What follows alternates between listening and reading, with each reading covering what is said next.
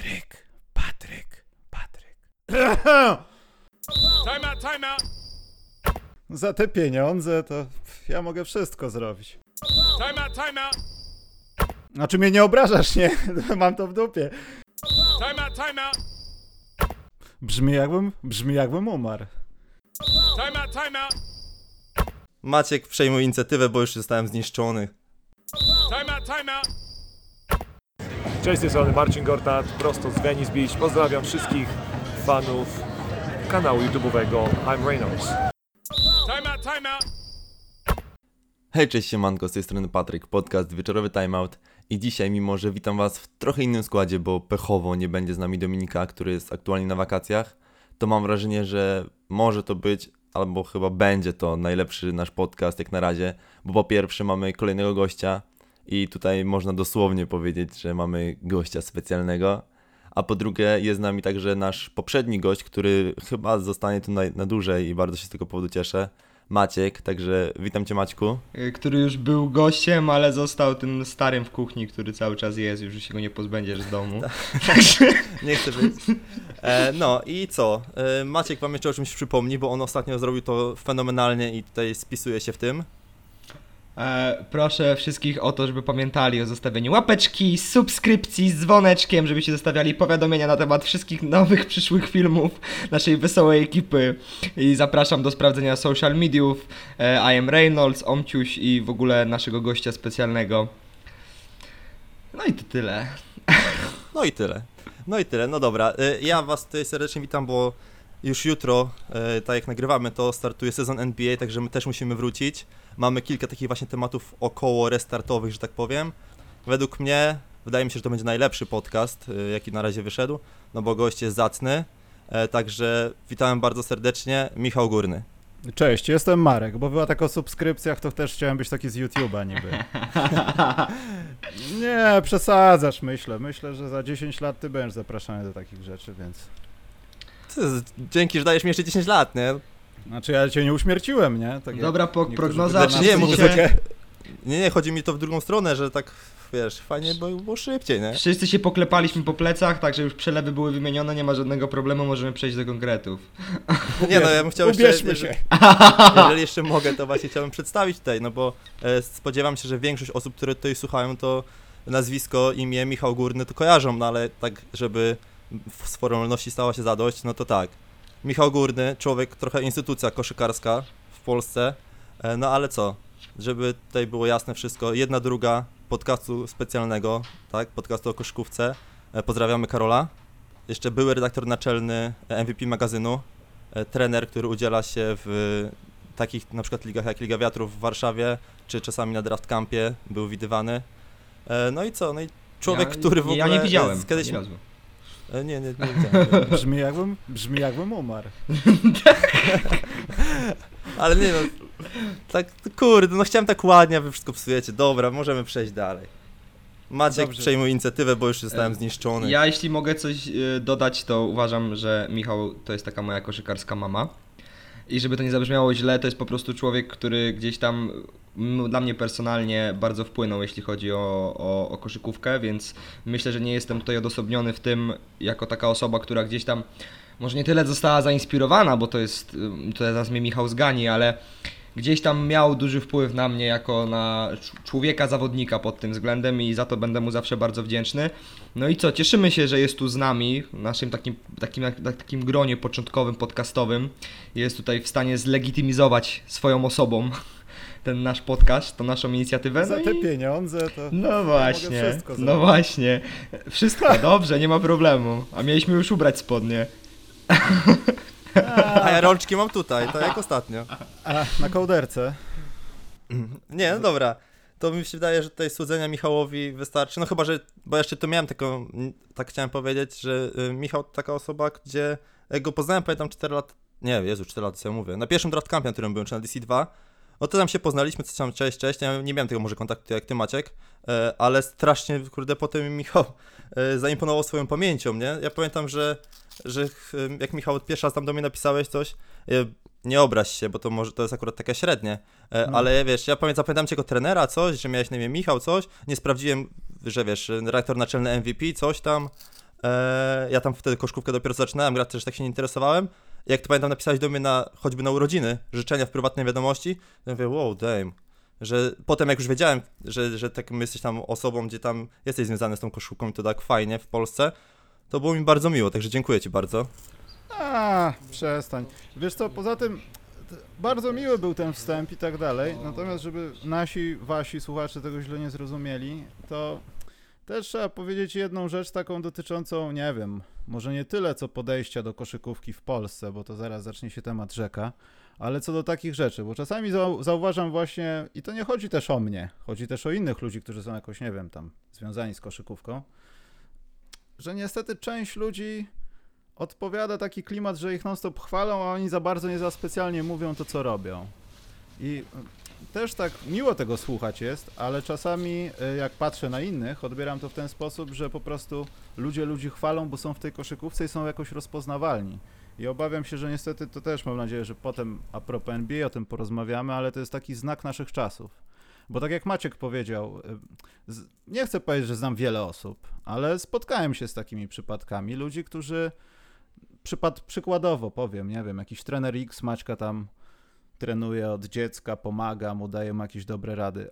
Często jest to robione po to, żeby dostać to poklepanie po ramieniu, a nie zrobić coś, bo, bo sobie coś się wbiło w głowę. Nie wiem, moim, moim celem było to już pomijając to, że pieniążki bardzo lubię. My w podcaście specjalnym ręce do siebie mamy nastawione, jak to mówi Karol, więc tylko do siebie rączki tak bardzo. Natomiast ja chciałem to robić dlatego, bo za moich czasów, jak się jeździło na jakiś obóz sportowy, to nie było zawsze, ale przeważnie były takie patologie, zielone szkoły i tak dalej.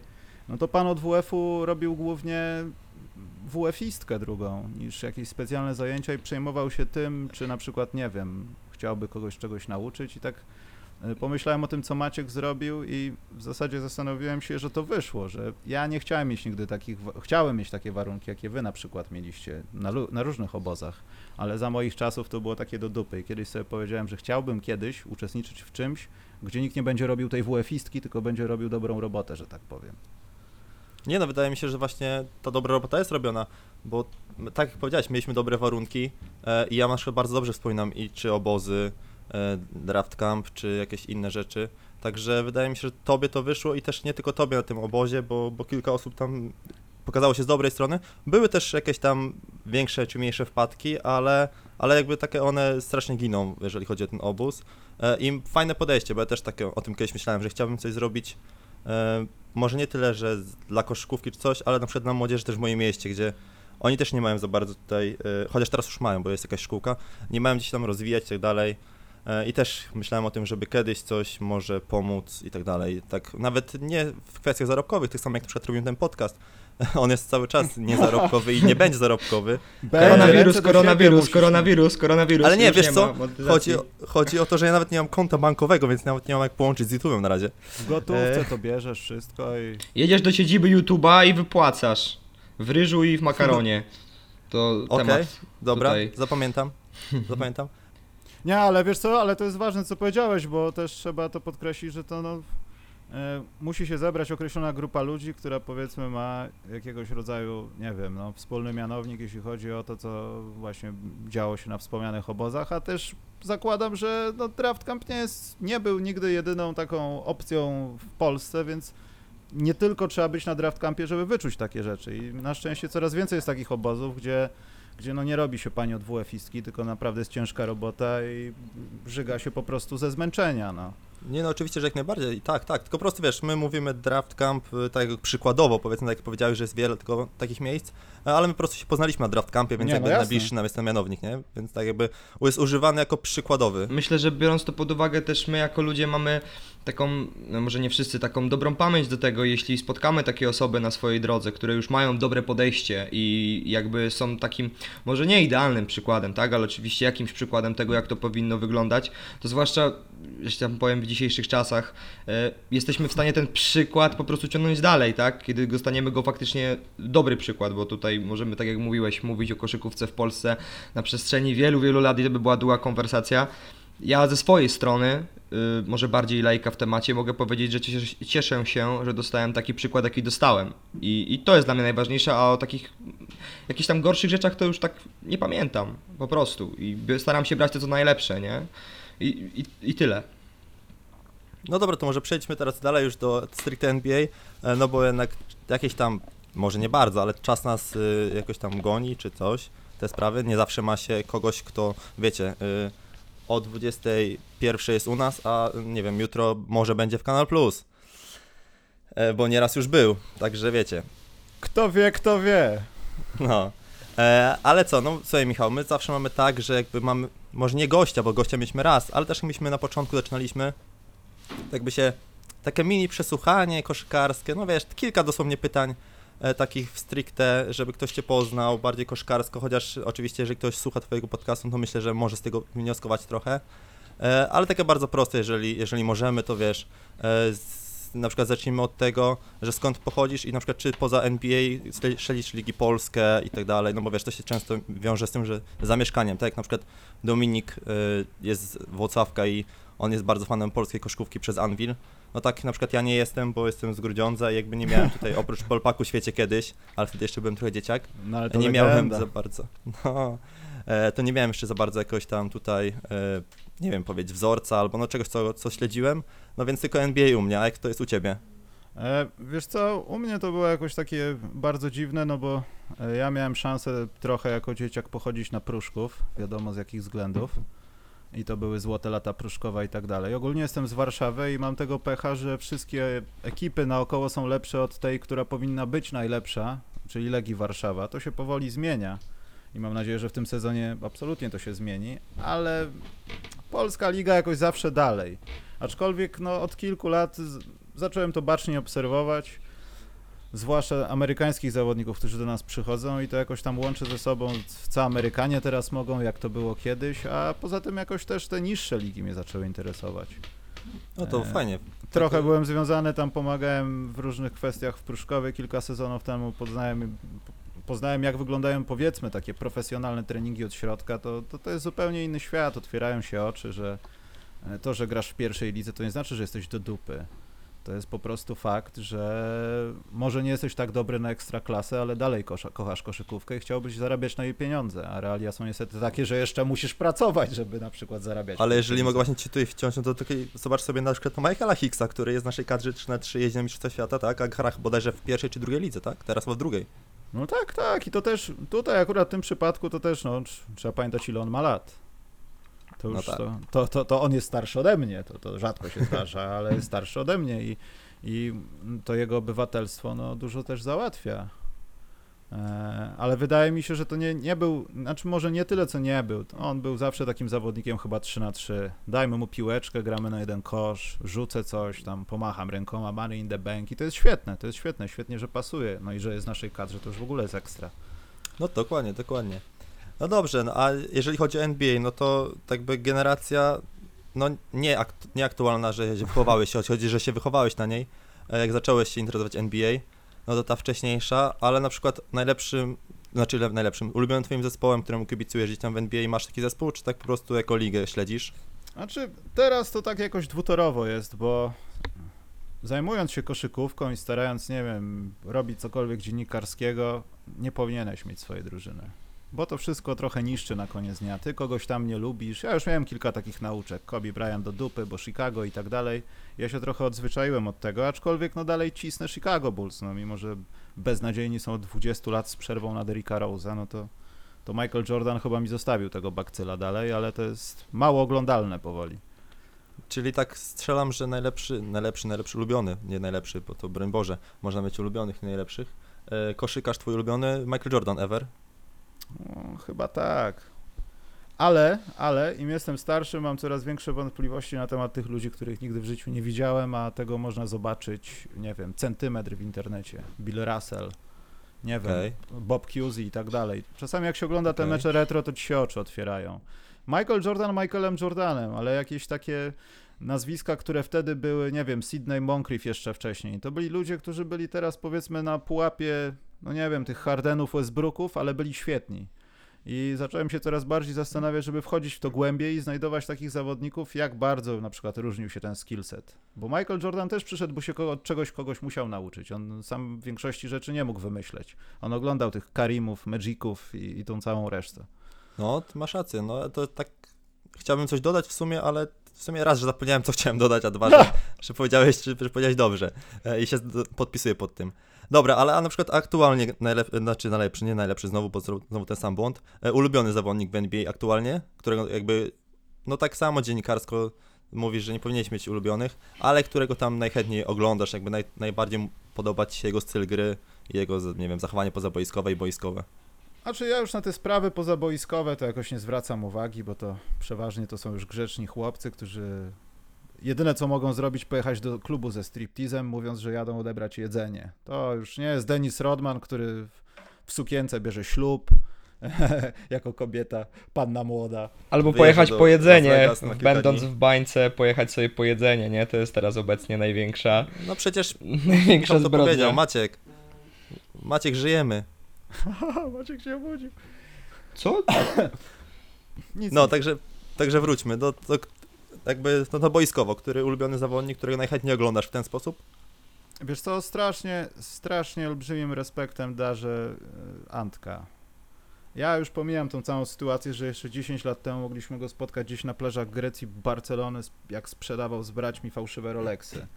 E, I ta cała jego przemiana. Ale patrząc na niego, ja żyję dalej w nadziei, że on będzie tym czymś, co przyniesie koszykówce w końcu odcięcie się od rzutów za trzy punkty i zajmowaniem się tymi wysokimi, którzy kozłują i są po prostu niezatrzymywalni, jak się rozpędzą. Natomiast kiedy nadejdą playoffy, to niestety LeBron. Przez lata jakoś go nie tolerowałem, nie, nie mogliśmy się zejść za specjalnie, ale potem, jak już patrzysz na to, jak on się rozpędza i ma te swoje 80 lat i dalej niszczy ludzi w playoffach, to nie ma chyba No. niczego lepszego w NBA teraz. No. Ostatnio nawet takiego słowa, nie? Gdzieś tam, że czas, czas y, się ob- obudzić i znowu poniszczyć kilka osób na swojej drodze Mhm.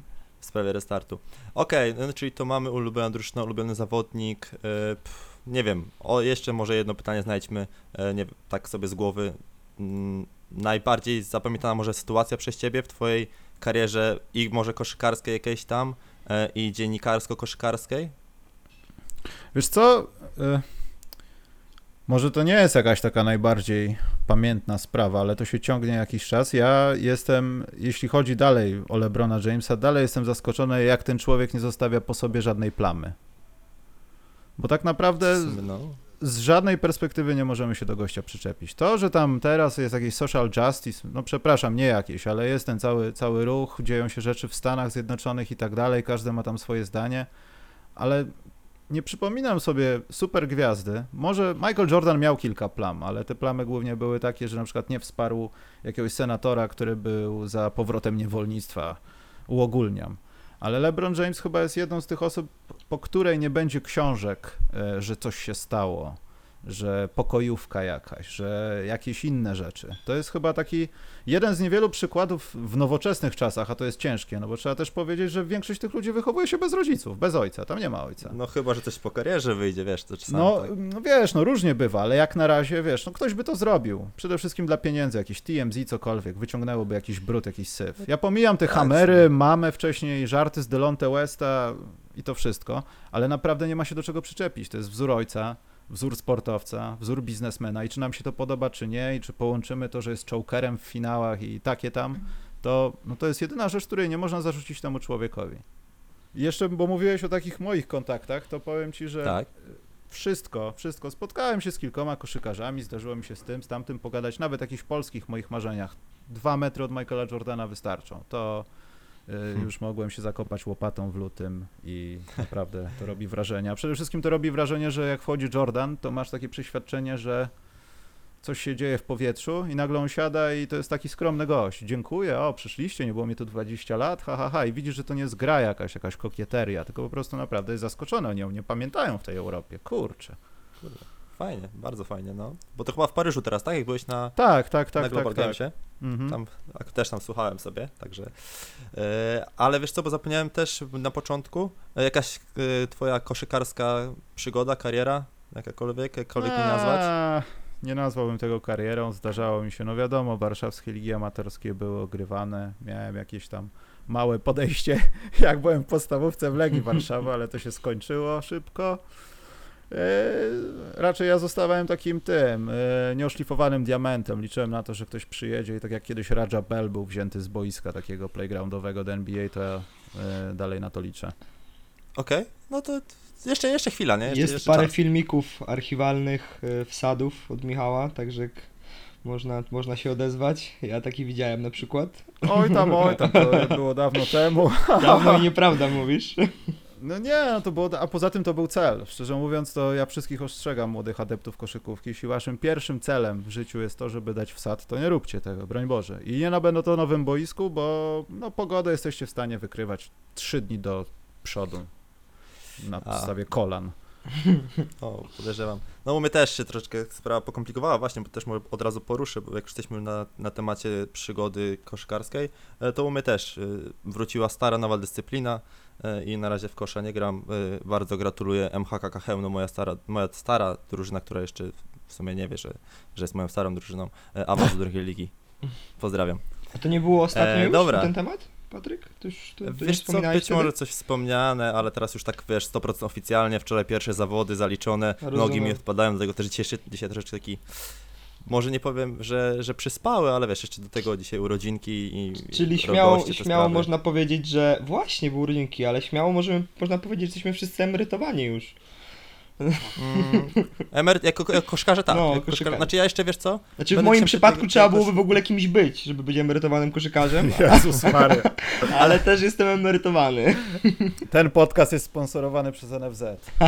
dokładnie, nie, wiesz co, NFZ, może ja lepiej dziękuję. nie, jak ja, może jak ja lepiej się leczyłem w nie. NFZ gdzieś z kostkami, tymi sprawami, zresztą wy też na pewno nie raz, to ja wolę, żeby oni mnie nie sponsorowali, bo prawdopodobnie dużo rzeczy jest, no, wiecie. Ja tak słuchałem tego, co mówiliście i, i chciałem tak jeszcze wtrącić na temat samego Lebrona, bo jakby gdzieś tam również jestem osobą, która y, w sumie wchodząc do koszykówki nie lubiła go nie wiadomo za co, na takiej zasadzie chyba dzieciaka, który był zły, że przeszedł do Miami Heat i do teraz to jest jedna z jego największych jakichś tam plam na honorze, która już jest dawno zapomniana.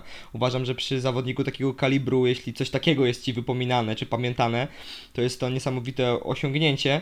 I tak y, właśnie to jest świetny ambasador w ogóle sportu, jako, jako ogólnie, nie tylko koszykówki, bo i nawet jeśli przyrównamy go do takich największych gwiazd z różnych dyscyplin sportowych, to on i na ich tle się wyróżnia. Nie wiem, czy macie również takie odczucie.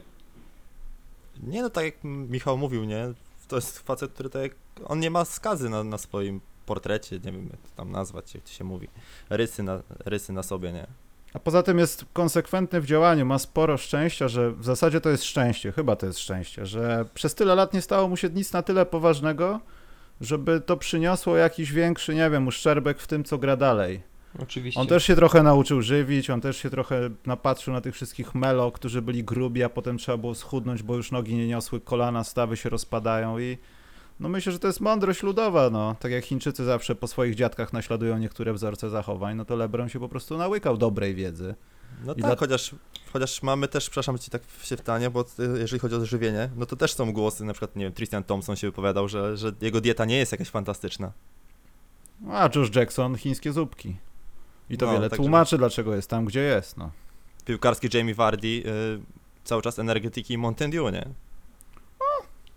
No bo Tak wydaje, wydaje mi się, że jest gdzieś moment, w którym talent się kończy i jedyny sposób, w którym możesz po prostu pójść dalej, to jest właśnie przez dyscyplinę, przez ciężką pracę i to są oczywiście takie frazesy, które można zawsze powtarzać, ale w tym wypadku wydaje mi się, że są, że są jak najbardziej słuszne, bo zwłaszcza jeśli chodzi o dietę, o dbanie o siebie, na przestrzeni ostatnich 10 10 lat, 5 lat dowiedzieliśmy się bardzo dużo. Ile jest przykładów na przykład zawodników UFC, którzy w momencie, w którym zatrudniali dietetyka, zmieniali swoje podejście, potrafili zejść na przykład do kategorii wagowej y, jeszcze niższej, gdzie kiedyś to po prostu było dla nich nieosiągalne. To ile teraz wiemy o zdrowiu, o żywieniu, o tym, jak mamy wzmacniać, wzmacniać nasz organizm w odpowiedni sposób, no daje ogromną przewagę i teraz nie powinno się w ogóle tego lekceważyć. I myślę, że LeBron sobie zdaje z tego sprawę w pełni. Poza tym to jest przedłużanie jego kariery. Za każdym razem, kiedy mocniej, znaczy teraz to już nie ma mocniej, no już jest ustalony odpowiedni rygor i on się do niego dostosowuje, ale to jest przedłużanie jego koszykarskiej kariery. Wielu zawodników miało to gdzieś, albo po prostu miało więcej pecha i po tej jednej kontuzji już się zaczęło to ciągnąć i można było wziąć, zamieść pod dywan, już nie było jego kariery, ale ogólnie no to patrzenie na to, zresztą z drugiej strony, no LeBron przez tyle lat pokazał, że jest świetnym biznesmenem. On wie doskonale o tym, że dożywotni kontrakt od Nike nie będzie wypłacany w momencie, kiedy on się spasie jak świnia i będzie wyglądał jak Eddie Curry w latach swojej świetności. No. Być może, być może. Dobra, bo tutaj chciałem troszeczkę inaczej zacząć, jako że mamy tutaj, wiecie, kogoś, kto jest bardziej bliżej dziennikarstwa i tych mediów wszystkich. Ale Ma- Maciek? faktycznie- Ja. E, Co ty, Maciek? Maciek to jest muzyk, to jest muzyk. Proszę, Muzyk, proszę muzyk. Ja jestem muzą waszą. Ty, no ale ja tak właśnie, tak samo jak Dominik ostatnio mi tutaj zwrócił uwagę. Rap to nie muzyka teraz, bo ja już chyba jestem nie na tym etapie. Ja nie Jeżeli ktoś wiem. jest raperem, to jest też muzykiem, nie? A, wiesz co, każdy jest muzykiem, kto nie gra disco polo. Myślę, że to jest... No, podpisuję się obiema rękami i nogami. Myślę, że to jest kwestia jakichś tam górnolotnych trochę określeń i tego, jak ktoś chce być odbierany. Ja po prostu gdzieś tam robię swoje, mam pasję i, i tyle. I jakby nie chciałbym być nazywany w żaden masz- sposób muzykiem, bo też nie wiem, jakby to było odebrane. Ja nie Dobra, mam ale jakiegoś Maciek, ja widzę, ja mniemania widzę, że ty masz podobne sobie. podejście, wiesz, masz pode, podo- podobne podejście do mnie, jak ja teraz, nie wiem, wiesz, wróciłem do, do i biegam i wiesz, ktoś mi mówi, że o, fajnie pobiegłeś, tam na przykład wczoraj na zawodach, fajny wynik, a ja wiesz, tak no, spokojnie, jeszcze tam się czuję jak amator, nie, a oni, no, że już fajnie, że już widać potencjał, ja mówię, no nie, że spokojnie i tak masz, widzę, pode, podobne podejście, tak studzisz wszystkich, studzisz. No ja myślę, że jest to lepsze niż nastawianie się na nie wiadomo co. Że ja tutaj nie wiadomo jakie złote góry zdobędę, a potem będzie tylko, tylko rozczarowanie, tak? Zresztą kiedyś taki człowiek, y, ten, y, mi powiedział, że właśnie najlepiej czasem się nastawić na najgorsze, bo przynajmniej nie będziesz rozczarowany. No on się chyba nazywał Marek Dolny na jakimś kampie kiedyś, coś tam. A nie, Nie pamiętam. nie, ja też chyba nie pamiętam. Też nie pomogę, sorry. No nie, no. Ale to, to, to nie jest kwestia czarnowictwa, no tak po prostu jest. Lepiej się Ja sobie przyjąłem pozytywnie tą mądrość do siebie. Negatywnie. Przyjąłem No to jest moja zasada, mądrość. jak jeszcze byłem gdzieś tam w szkole, na studiach, to tam używa, znaczy podchodziłem do tego tak, a tak w życiu to nie, no wiesz, spójrz na przykład na zawodników NBA, to tam każdy ci powie na przykład o Kendrick Nunn jakiś czas temu, y, nagroda Rookie of the Year należy się mi, wiesz, mimo tego, że każdy wie, że to nie należy się mu. Znaczy Także wiesz, pewność siebie, pewność siebie pomagać, i poczucie nie? własnej Ja troszeczkę jest... bym, ja bym mu troszeczkę dał jednak. Ale nie, to nie wiem, to akurat może Michał tam nie, nie, nie słyszałeś tego, tam rozmawialiśmy z Dominikiem, o tym dyskutowaliśmy, e, to jakby ja w jednej dziesiąt, nie no nawet nie, troszeczkę mniej, w jednej piętnastej, okej, miał rację, no bo gdzieś tam to Miami jest trochę silniejsze według mnie niż, niż Memphis, no ale no nie oszukujmy się, no Jamorant to teraz jest raczej Nie, to nie, nie, nie, ma- nie ma dyskusji, absolutnie. Maćku, coś tam chciałeś, bo tam coś mówiłeś? Nie, ja, ja, ja spokojnie, ja jak będę miał coś do wtrącenia, to wtrącę. Na razie chcę No słuchać dobra, no jak to przejdźmy. najwięcej. No to tak jak nam się taka właśnie tutaj wywiązał temat, wywiązał, Jezu, ja naprawdę przepraszam dzisiaj wszystkich słuchaczy tutaj, gdzieś tam problem z wysławianiem się, ale to ciężki dzień, wczoraj ciężki bardzo dzień, bo zawody też się ciągnęły, opóźnione 2,5 godziny, także mało spałem. E, jak potoczyła nam się rozmowa w, ten, w tą stronę, że możemy tutaj porozmawiać sobie e, o temacie, że nagrody w NBA, MVP, MIP, bla bla bla, są przyznawane za sezon, który, znaczy za czas, który był przed pandemią. I tak może pomyślałem, że możemy się pobawić, takie małe typowanie i zacznijmy może od MVP. Jak myślicie chłopaki, kto to MVP dostanie po tym jakby czasie, w który został już rozegrany, który dopiero, no już nie będą grali tak jakby o te nagrody. Bo tutaj Michał właśnie, bo tak mówiłeś, że, że bardzo doceniasz Antka, ale jednak w, dopiero w playoffach LeBron, no to, to jakbyś to rozstrzygnął, bo tak wydaje mi się, Trzeba też powiedzieć, wiesz, no to, to nawet wychodzi z tego, jak grasz w fantazy i przez lata ten LeBron zawsze jest tym topowym pikiem, bo on ci produkuje, wszystko jedno w jakim tam systemie grasz, czy head to head, czy to rotisier, czy jak to się nazywa, już nie pamiętam. E, I LeBron nigdy w sezonie regularnym aż tak super nie był i wszyscy żałowali, że te gry fantazy przeważnie mogą ciągnąć się na playoffy, bo wtedy dopiero on zmienia przerzutki.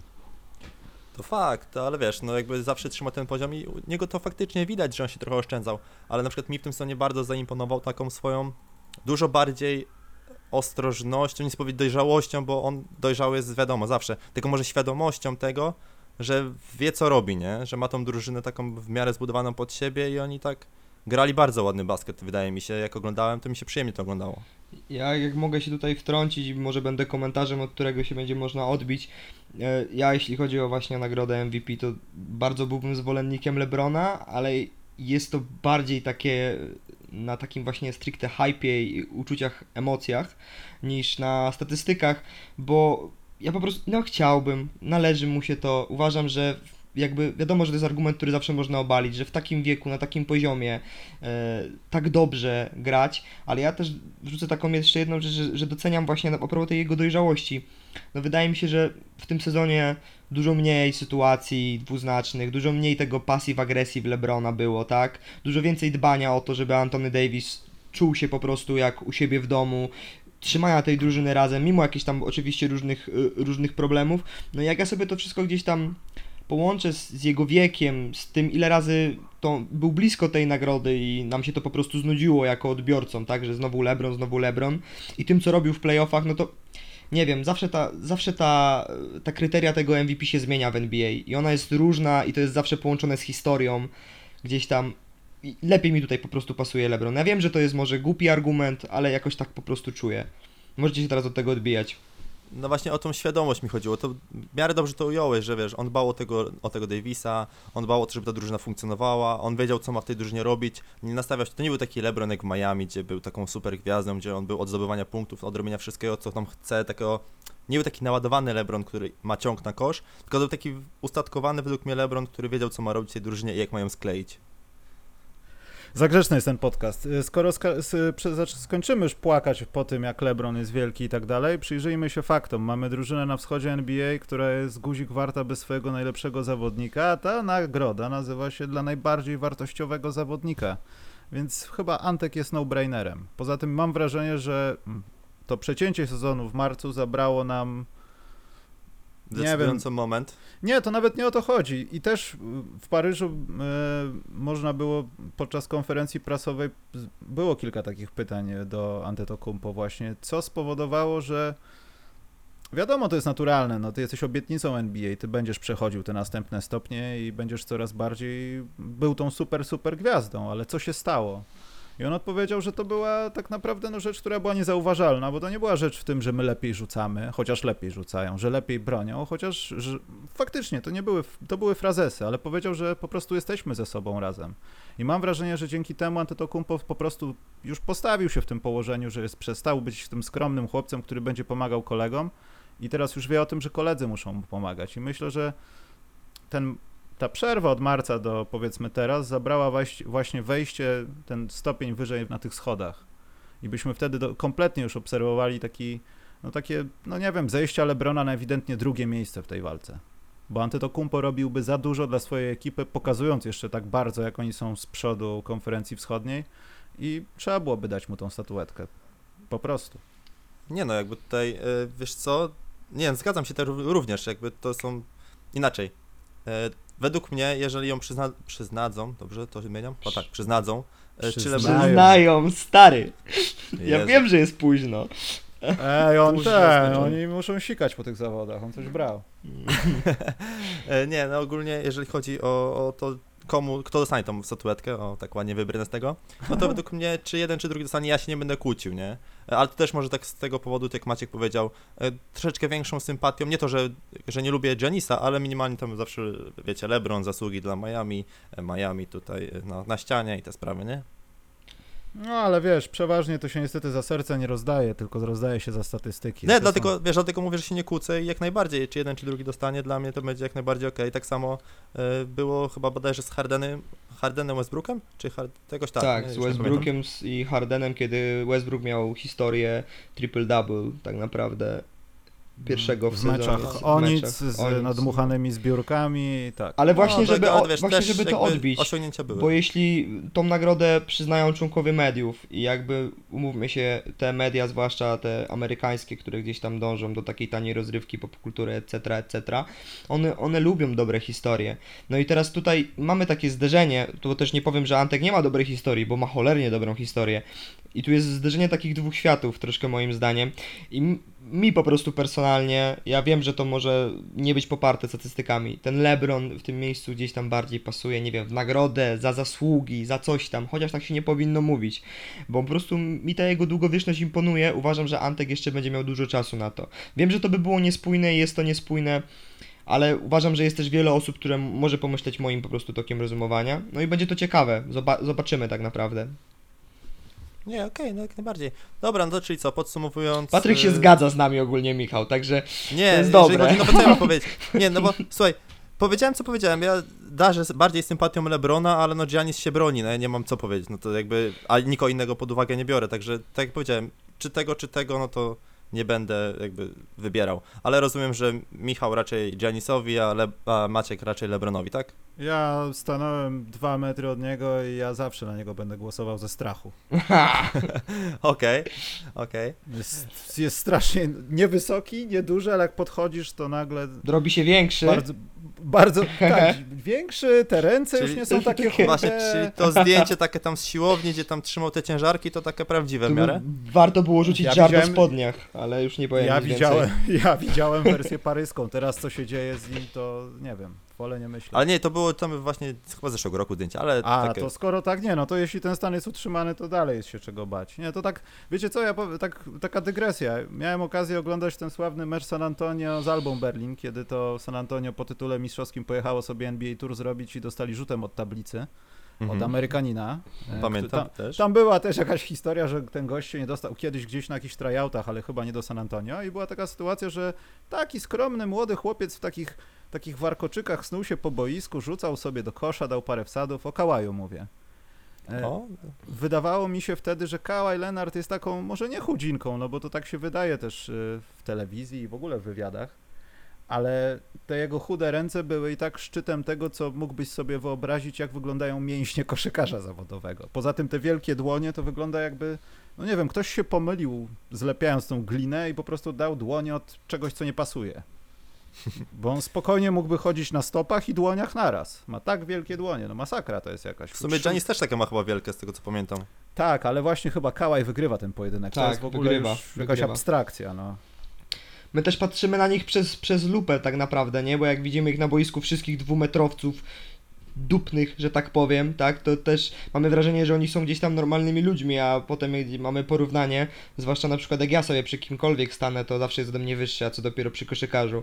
Więc myślę, że tutaj jak najbardziej to jest też mylne po prostu przez tą telewizję, tak? Gdzie tam głównie ich odbieramy. A to też Ale- tak dygresja wtedy, bo No. jak już tak mówisz o tym takim normal, o normalności, to też kiedyś, tego nie poruszałem już na podcaście, więc może warto, e, że jak e, udało mi się być na tych meczach NBA, jak byłem w Stanach, co, co prawda przecenowych, ale, ale jednak, e, no to e, też strasznie widać u nich dopiero na żywo, że oni są też dopiero tylko ludźmi, nie? Że jakby ta, oglądasz ich w telewizji i patrzysz, o Jezu, co oni są dobrzy, nie? Jezu, trafiają i to wszystko. A dopiero jak ja zobaczyłem ich na żywo, dopiero tak spojrzałem, to faktycznie podania są silniejsze niż u nas w lidze i gra jest szybsza może, ale też na przykład nie trafiałem, ale to też do taka, tak do ludzi trenujących i oglądających w telewizji, że, że oni też są tylko ludźmi. Pamiętajcie, że to wszystko da się tutaj wytrenować i to nie są robotami, nie? To takie moje odczucie gdzieś tam, które chciałem nawiązać tylko do Maćka. Ja chciałem powiedzieć tylko, że Kyrie Irving jednak jest kurduplem, także tylko tyle chciałem powiedzieć. Kyrie Irving Tak? jest Tak. bardzo wieloma rzeczami dla Ej, mnie. on albo był przygarbiony, wtedy ja miałem miejsce zobaczyć, być przy tym kółeczku w Londynie, jak były wywiady i tak patrzylibyśmy sobie w oczy, jakbyśmy rozmawiali. Może grawitacja na płaskiej ziemi działa inaczej. A mógł się położyć, to prawda. No właśnie. Dobra, no bo tak o tym MVP, dyk ten, e, przejdźmy tak może szybciej niż to MVP, MVP ładnie rozwinęliśmy. E, co myślicie o Sixmanie w tym, w tym sezonie? E, Pan Striptease, myślę, Williams. E, Maciek? No ja myślę, że tutaj nie ma podejścia pod tym względem. Też Ale, ale jest jeszcze druga ja bym- kandydatura, Dennis Schroeder. No właśnie, ja mam Denisa. Co prawda on, on tak gra z ławki, jak wiecie, jak niektórzy, mm, na przykład Giannis w pierwszym składzie. Gra Ale mniej jest- minut niż, niż, niż Denis, nie? Ale jest klasyfikowany jako rezerwowy. Tak. Nie oszukujmy. No dokładnie. No ale nie, no Ale w sumie Luf- dałbym mu za te zasługi, tym bo ładnie, no to kurde, działa, nie? Ja wydaje mi się, że Lu po prostu w tym systemie Clippers jest tak już, jest teraz na ten moment tak utarty i, i tak działa, że on wchodzi z tej ławy, robi to co ro, ma, ma robić, ciągnie ten drugi skład, potem jest, potem jest w normalnej rotacji przez, przez, przez potem jakąś tam ilość meczu i no i też uważam, że ma lepszą historię, w sensie jest bardziej zauważalny, jeśli chodzi o media i, i myślę, że to po prostu wystarczy w tym wypadku, tutaj, tutaj myślę, że jednak Lou Williams. Poza tym Lou Williams ma też taką, no to jest trudne chyba, żeby znaleźć takich ludzi w ogóle w historii NBA, bo to jest też nienaturalne, że ty chcesz być odsunięty na boczny tor, bo to ci odpowiada. Większość ludzi morduje się o pierwszą piątkę, są fochy i w ogóle nosek do góry, ja nie będę z panem trenerem rozmawiał, a tu koleś mówi, słuchaj stary, ja to mogę wejść w drugiej kwarcie, tylko że ja ładuję cztery dychy i na ławkę idę. I Lou Williams robi tak w całej karierze, jemu kompletnie nie zależy na tym, żeby mieć przy tym basketball reference, czy tam ESPN-owskich statystykach S582. On ma kompletnie to gdzieś. Bo on wie, że i tak więcej zrobi, dostanie czas w drugiej, trzeciej, czwartej kwarcie, że i tak będzie najlepszym strzelcem drużyny. To trochę inny, on ma akurat troszeczkę inne podejście, ale no, takich zawodników tam, nie wiem, Andrzej Gudola też tak miał chyba, nie? Że on sam powiedział, że usiądzie na ławkę, żeby, żeby nie było tłoku Manu w Golden State. Też jest takim przykładem Mhm. gościa, który gdzieś tam poświęcił swoją karierę, który Nie wiem, jak to dokładnie wyglądało u Jamala Crawforda. No to też jest podobny przypadek, no. Maćku, Maćku, o Manu. O Manu chciałeś. O man, no to mówię, że to jest właśnie chyba taki idealny, taki flagowy przykład osoby, która, tak jak powiedziałem przedtem, poświęciła gdzieś tam część swojej kariery, bo on się mógł bić, mógł się tłuc tak naprawdę, a wiedział po prostu, że wejdzie, zrobi swoje, no to mogę tylko powtórzyć to samo. I fajnie się na takich zawodników patrzy, którzy gdzieś tam swoje, swoje dobro, w cudzysłowie, mogą poświęcić nad dobro drużyny, a nieraz jest po prostu tak, że oni robią więcej. Dużo więcej niż jakby się ciśnęli na pierwszy skład. Co, co powiedzieć? No tak, no ty wiesz, każda drużyna potrzebuje takich, takich ludzi, no i tak się zdobywa mistrzostwo tak naprawdę, nie? I, i tak się gra dobrą koszykówkę, no bo jeżeli, każdy, jeżeli cały, cały jakby skład, cała drużyna chodzi jak w zegarku i wszystko jest do, do siebie dopasowane, no to, no to wtedy można wygrywać. No dobra, czyli Six-Man u was, Lou Williams, E, ja jednak na tego Denisa Schroedera postawię, E, mam nadzieję, że, że mu się uda, no bo gdzieś tam od tej Atlanty na niego patrzę i zawsze był jakiś tam fajny, E, gdzieś tam nawet oni mówili, że będzie All-Starem, nie udało się, a, może chociaż taka mała statuetka Sixmana, znaczy mała, mniejsza oczywiście od, od MVP, bo to, o to mi chodzi. E, wydaje mi się, że też mu by się należała za całokształt. E, a dalej MIP mamy. No to tutaj właśnie z, ja jakby, tak jak Maciek z LeBronem bardziej sympaty, sympatyzuję, no to Bama Debajo.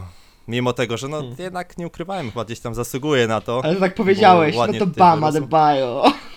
No to Bama Debajo, no bo myślę, że wielu osób, które ten, tutaj słucham, to wie, kto jest jakby pretendentem, znaczy pod względem jakby puli zawodników, tak, do każdej, do każdej tej nagrody. To nie jest tak, że, że wybieramy z całego NBA albo ktoś nie zna tego zawodnika, tylko wiesz na przykład, że do MVP jest kilku kandydatów, czy do MIP tak samo jest kilku kandydatów, jak nie wiem, jeszcze Dennis Bertrands, e, Dennis, dobrze, Davis, Davis Bertrands.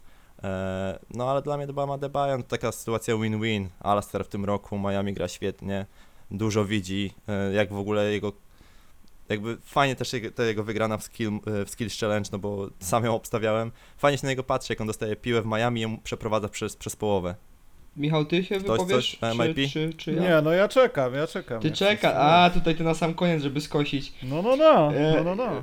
Brandon Ingram wydaje mi się osobą, która też tutaj może pod tym względem zamieszać. To jest taka, taki zawodnik, który nie tyle co skradł moje serce, ale, ale cieszę się. Na zasadzie, kiedy on do tych Lakersów po prostu nie pasował i, i gdzieś tam ta gra mu się nie układała, w momencie, w którym łapie po prostu drugi oddech w New Orleans i gdzieś tam wreszcie pokazuje na co go stać, no to mi się to podoba. Jakby jestem całym sercem za tym, żeby, żeby, żeby mu wyszło, żeby w ogóle pelikany się rozwijały w dobrą stronę, bo są fajne ptaki z dużymi dziobami, także tutaj Brandon Ingram. No i tutaj jeszcze dochodzi do tej stawki powiedzmy Jason Tatum, Mhm. ale myślę, że Brandon Ingram absolutnie dominuje konkurencję. E, natomiast e, Lakersi wydaje mi się, że w perspektywie czasu, chociaż ja Ingramowi dalej nie wierzę, ja myślę, że on dalej nas oszukuje tym, że będzie dobrym graczem. Ale mam nadzieję też z drugiej strony, że tak nie będzie, bo Lakersi wydaje się, wierząc tej obietnicy Lebrona, że Davis zostanie u nas na dłużej, a pewnie w Nowym Jorku skończy za jakieś niecałe kilka miesięcy, Hmm. urwali kurze złote jaja. Zabrali i oddali utalentowanych zawodników, których, tak jak jeśli Ingram wypali, nie będą mieli nigdy. Ja rozumiem tą całą politykę. Chcę mieć Lebrona, z Kobim się stało to, co się stało, Legacy i tak dalej, i tak dalej. Żółci, purpura, wszystko pięknie, ale to potrwa rok, dwa, trzy. Nie, ma, nie mają gwarancji, że te trzy lata zwrócą się w taki sposób, że za każdy rok założą pierścień. I Ingram trochę pokazuje, że nie zawsze te decyzje pozyskiwania weteranów, supergwiazd w dłuższym nie wiem, jakimś odstępie czasu są, są dobre. Wiadomo, marketingowo Lakersi zarobili sobie pieniądze na najbliższe 200 lat tym ruchem, ale gdyby tak myśleć or- organizacyjnie, no to ja nie wiem, czy to na dobre wyszło. No i kurde, znowu będzie, będzie grzecznie, no bo ja tutaj znowu... Znaczy nie, no poniekąd się zgodzę, no bo zobacz, zobaczymy, czy, czy to wypali. Jeżeli w tym roku zdobędą pierścień, e, a jakby są na to jakiekolwiek tam szanse, e, większe, bardziej, znaczy większe niż mniejsze, e, no to wydaje mi się, że ten ruch będzie uzas- uzasadniony. Tym bardziej, wtedy może Davis zostanie, może nie wyląduje gdzie indziej, no bo jakby ta, nie wiem, pierścień może go skusić, żeby jeszcze powalczyć za rok, jeżeli LeBron trzyma taki poziom, jaki trzyma. E, No ale tak samo to masz rację, no, jakby pozbyli się swojej przyszłości, no bo czy Davis nawet, który nie jest starym zawodnikiem przecież, e, ale LeBron jest już, no to nie zagwarantują takie, takie jakby, mm, no nie zagwarantują całej drużyny, o tak, nie, nie będą grali za całą drużynę, gdzie tam oni się pozbyli wielu graczy, nie tylko Ingrama. No właśnie chciałem Lonzo powiedzieć, Balla. że Lonzo Ball też wcale taki do dupy nie musi być. No, im mniej ojca, tym lepiej. I Nowy Orlean ma taką teraz niespodziankę ładną, że ma i Zajona, i Ingrama, i Bola. I oni sobie po prostu mogą za 3-4 lata robić jaja z NBA, Ale myśl- rzucając alejupy z połowy boiska Myślicie. No myślicie żeby to wypaliło? Żeby to wypaliło, gdyby oni zostali w Lakers?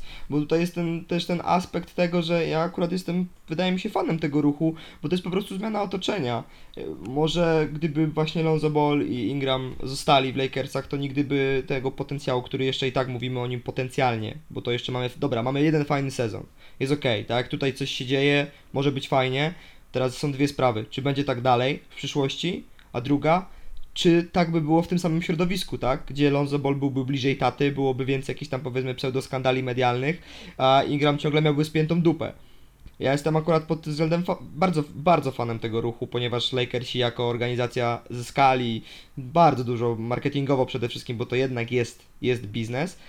A jak tak się na chłodno spojrzy na takich wiele niewiadomych, no to był to dużo pewniejszy ruch i jestem w stanie w pełni to zrozumieć. Bo nie wiemy tak naprawdę, jak to się wszystko potoczy. Bo to, że teraz Ingram gra fajnie, to nie znaczy, że w momencie, w którym Zion wejdzie na wyższy poziom, będzie chciał przyjąć drużynie, to on jak na nie walnie focha, albo nie zejdzie do poziomu Wigginsa, broń Boże. Znaczy, Oczywiście, a poza tym te jego dokonania statystycznie nie możemy powiedzieć, że to nieprawda, ale one mogą być nieprawdą przez to, co się działo w Nowym Orleanie w tym fragmencie sezonu. oczywiście. Po prostu to były takie mecze, które Nowy Orlean wygrywał, Ingram robił rzeczy, które robił i no i co? No, on mu- musiał to robić, żeby nie był poćmiewiskiem po tym transferze, bo znowu było bydle. Co z tym kolesiem się dzieje? Przecież on taki dobry był. No to byli tacy zawodnicy, nie wiem, powiedzmy, Andrew Wiggins też miał dobre, sez- znaczy może nie całe sezony, ale takie zapowiadał się już dobrze w niektórych momentach. Znaczy, swojej Andre kariery. Wiggins to ma statystycznie sezony zawsze do tej pory miał w cudzysłowie spoko, ale to dopiero przy takim bliższym spojrzeniu wychodziło to wszystko, jaki on ma po prostu wpływ na drużynę. I ja nie chciałbym, żeby taki sam case był, byłby przy, przy Brandonie, ale po prostu mówię, że to nie jest, że to nie jest niemożliwe, tak? A jakbym miał mieć Lebrona, to jednak wolałbym Lebrona, po prostu. Znaczy ja też bym to zrobił na miejscu Lakers, jakby ktoś do mnie zadzwonił i oddawaj tych i tych i my to robimy, to ja stary, to gdzie mam podpisać? Dokładnie. No, także, no nie, no okej. No tak się zgadzamy, czyli tak, y, dwa razy znowu Ingram i u mnie y, Bama Debajo, tak? Ale to u mnie wiadomo, odpowiedziałem, że to tak. Y, Zgodzę się z wieloma rzeczami, ale Bama będę bronił.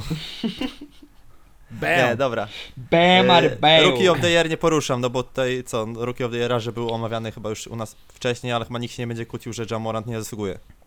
Nie, Jamorant i ja w ogóle nie zgadzam się z tym, że co by było, gdyby Zion. Ziona nie było, takie są fakty, sezon został przerwany, jeśli mamy oceniać do marca, Jamorant zdominował dyskusję na temat debiutanta roku i tutaj nie ma dyskusji, myślę, żadnej. Oczywiście, Maciek, to samo zdanie? oczywiście, że tak. To jest takie gdybanie i takie próbowanie na siłę jeszcze wcisnąć Zajona wszędzie, gdzie się da. Ja rozumiem, że to jest świetny, może być to świetny gracz, świetna perspektywa, ale w ogóle sam fakt, że on już jest na coverze 2K'a, to jest takie dla mnie trochę takie za bardzo pchanie go na, śmie- na świecznik, zwłaszcza, że Ja jest, jest nie ukrywajmy zaskoczeniem, na zasadzie takiej, wiedzieliśmy, że ten chłopak jest dobry, chłopak, Boże Święty, że ten gość jest dobry, że potrafi bardzo wiele, ale myślę, że bardzo też nas pozytywnie zaskoczył całym tym sezonem. I takie tutaj doszukiwanie się na siłę, wpychanie tego Zajona jeszcze in this picture, to to jest dla mnie głupie, nie ma sensu, jest bardzo krzywdzące po prostu dla Ja. Dużo bardziej wolałbym tutaj, żeby właśnie był e, Kendrick Nunn, żeby byli, by- byli ci wszyscy młodzi, perspektywiczni rookies, którzy w tym drafcie poszli po prostu troszkę w dalszych pozycjach, którzy robią robotę, robią te statystyki, wpływają na grę drużyny. Tyler Hero is my hero i wszystkie inne tego typu rzeczy, prawda? Więc pytanie tutaj Zajona dla mnie jest bezsensowne, Ja w 100%, a jeśli mamy rozmawiać, to rozmawiajmy o tych, którzy na to zasługują, nie stricte hypem i ośmioma czy tam dzie- dziesięcioma grami rozegranymi w lidze. Ale, żeby oddać sprawiedliwość, trzeba powiedzieć jedną rzecz. Zion zagrał w tych kilku, nazwijmy to, spotkaniach i w moim mniemaniu i tak był lepszy od połowy tej stawki w drafcie. Nie, no właśnie ja to powiedziałem jakiś czas temu, jak rozmawialiśmy o powrocie y, Zajona z Dominikiem gdzieś tam, y, że po tych właśnie kilku meczach mi trochę utarł, utarł nosa, no bo ja jak przed jego wejściem do ligi mówiłem, że nie będzie tak dobry, jak wszyscy mówią, a pokazał, że jednak, że jednak jest dobry i niższy, mimo tego, że trochę tam schudł, y, to, to, je, to jest dobry naprawdę i jakby nie miałem co powiedzieć za bardzo. Teraz jak jest nabity po kwarantannie, przecież znowu rozmawialiśmy o tym ostatnio, tak? No zobaczymy. W przypadku zawsze takich gwiazd też jest, zawsze można rzucić tym faktem, tym tekstem, że gdzieś tam to playoffy zweryfikują nie wiadomo jaką grę. Ale to jest... Albo Oktagon. Ok- Oktagon. Oktago, Oktagon zweryfikuje. Dzisiaj, było, dzisiaj była e, tutaj głó- główny announce- announcement, nie, nie, ogłoszenie, announcement, e, o Kabibie z Gejcim. Nie wiem, czy się interesujecie, także ja się jaram, taki off-top zupełnie. Ale no, jeśli chodzi o samego Zajona, no to hype hypem, będziemy patrzeć na grę, zobaczymy jak to się będzie rozwijać, takie mam zdanie. No, ale jeżeli chodzi o walki właśnie, e, nie, tak się nie interesuje może UFC tam ten, ale nie wiem, czy widzieliście taki, o, tak nie wiem, Between the Worlds, e, że Nate Robinson będzie walczył Tak! przed walką pokazową Mike'a Tysona. Tak! I będzie walczył kurwa z Jake'em Paulem. To jest po prostu. Nie umiał się wcisnąć do ligi. Dawał na Instagramie hashtagi holdat, napieprzał cały czas, grał w y, 3 na 3 od Ice Cube'a, a teraz się będzie boksował z bratem sławnego youtubera. No piękne po prostu. Ja bym chciał, żeby wszyscy ludzie 1,75 m jak ja robili takie rzeczy w życiu. Gdzieś tam nawet się przecież przewinęła s- e, myśl, jakaś taka chęć grania nawet w, N, e, w NFL, tak? Tak, tak, tam on. Ten, ale on trzeba mu oddać. Człowiek jest w niesamowitej formie fizycznej, e, dba o siebie cały czas, jest świetnym sportowcem i wydaje mi się, że zawsze był etykę pracy, zawsze miał odpowiednią, tak? Można by z niego czerpać przykład, ale jeśli chodzi o no boks z Jake'em Paulem, oni brakuje tylko, żeby się o jego dziewczynę bili. Po prostu, żeby na sam koniec po prostu było to i po całej gali zgasimy światła i kręcimy co innego z tym, kto wygrał, nie? Po prostu to jest do, dla mnie dopełnienie, kurwa.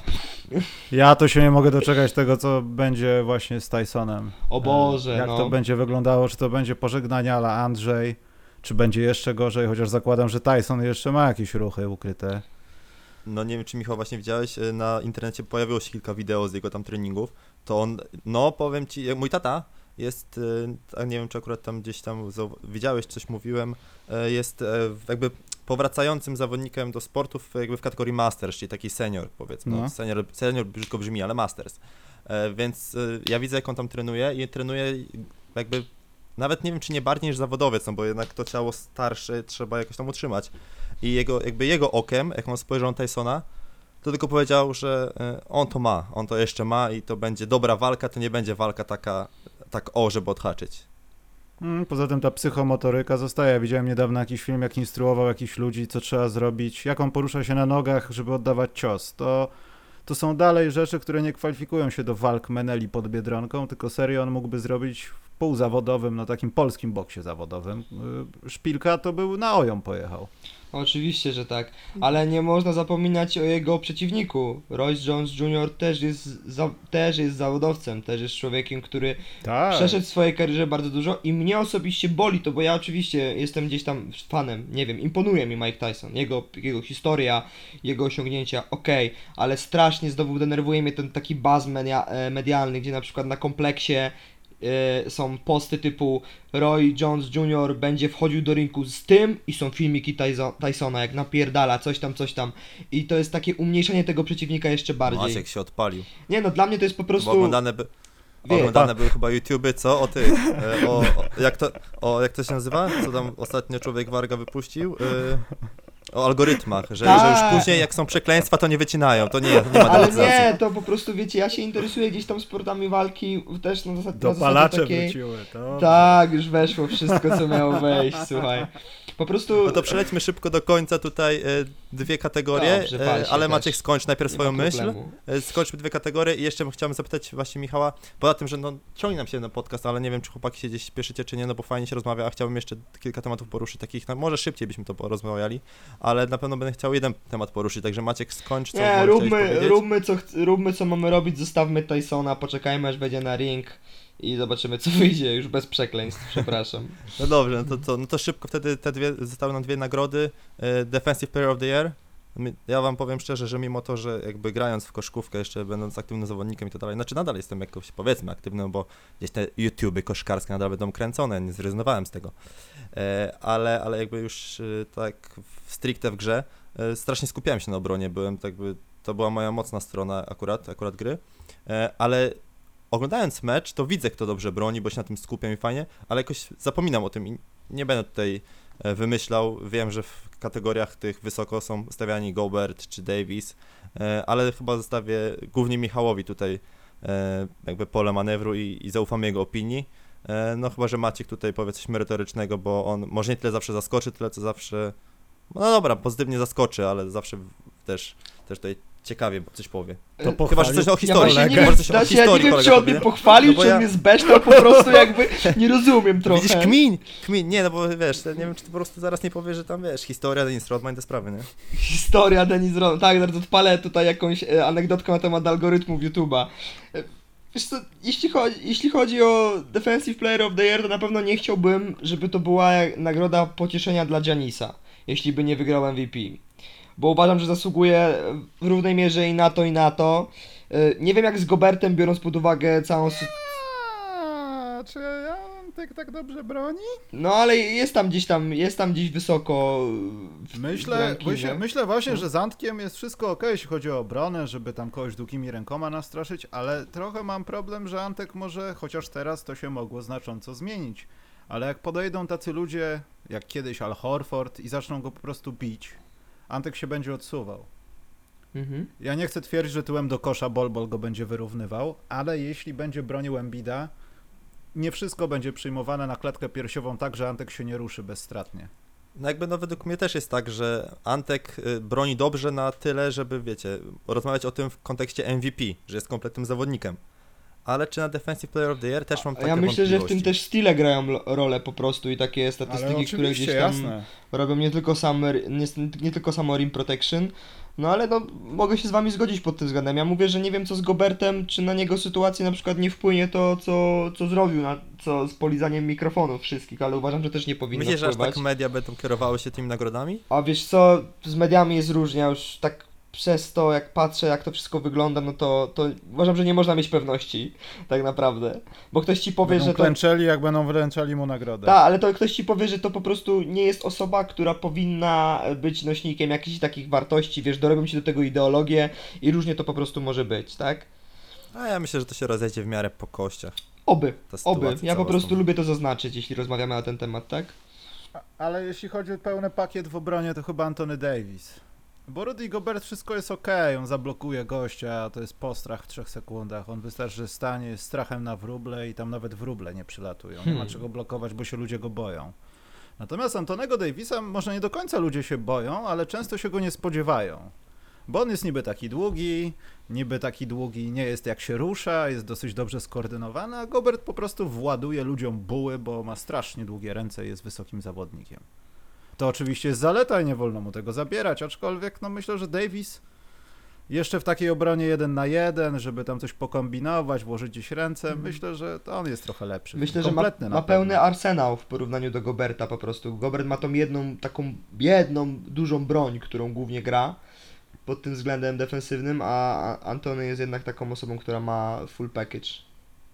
Tak. A tak przy okazji zauważyliście taka, tak między słowami znowu, że dawno się nie mówiło o, nagr- znaczy nie mówiło się, mówiło się, no, że nie wiem, Kawhi Leonard dobrze broni, ale dawno nie było tak w, top, w topie Defensive Play- Player of the Year e, żadnego takiego zawodnika obwodowego, niskiego?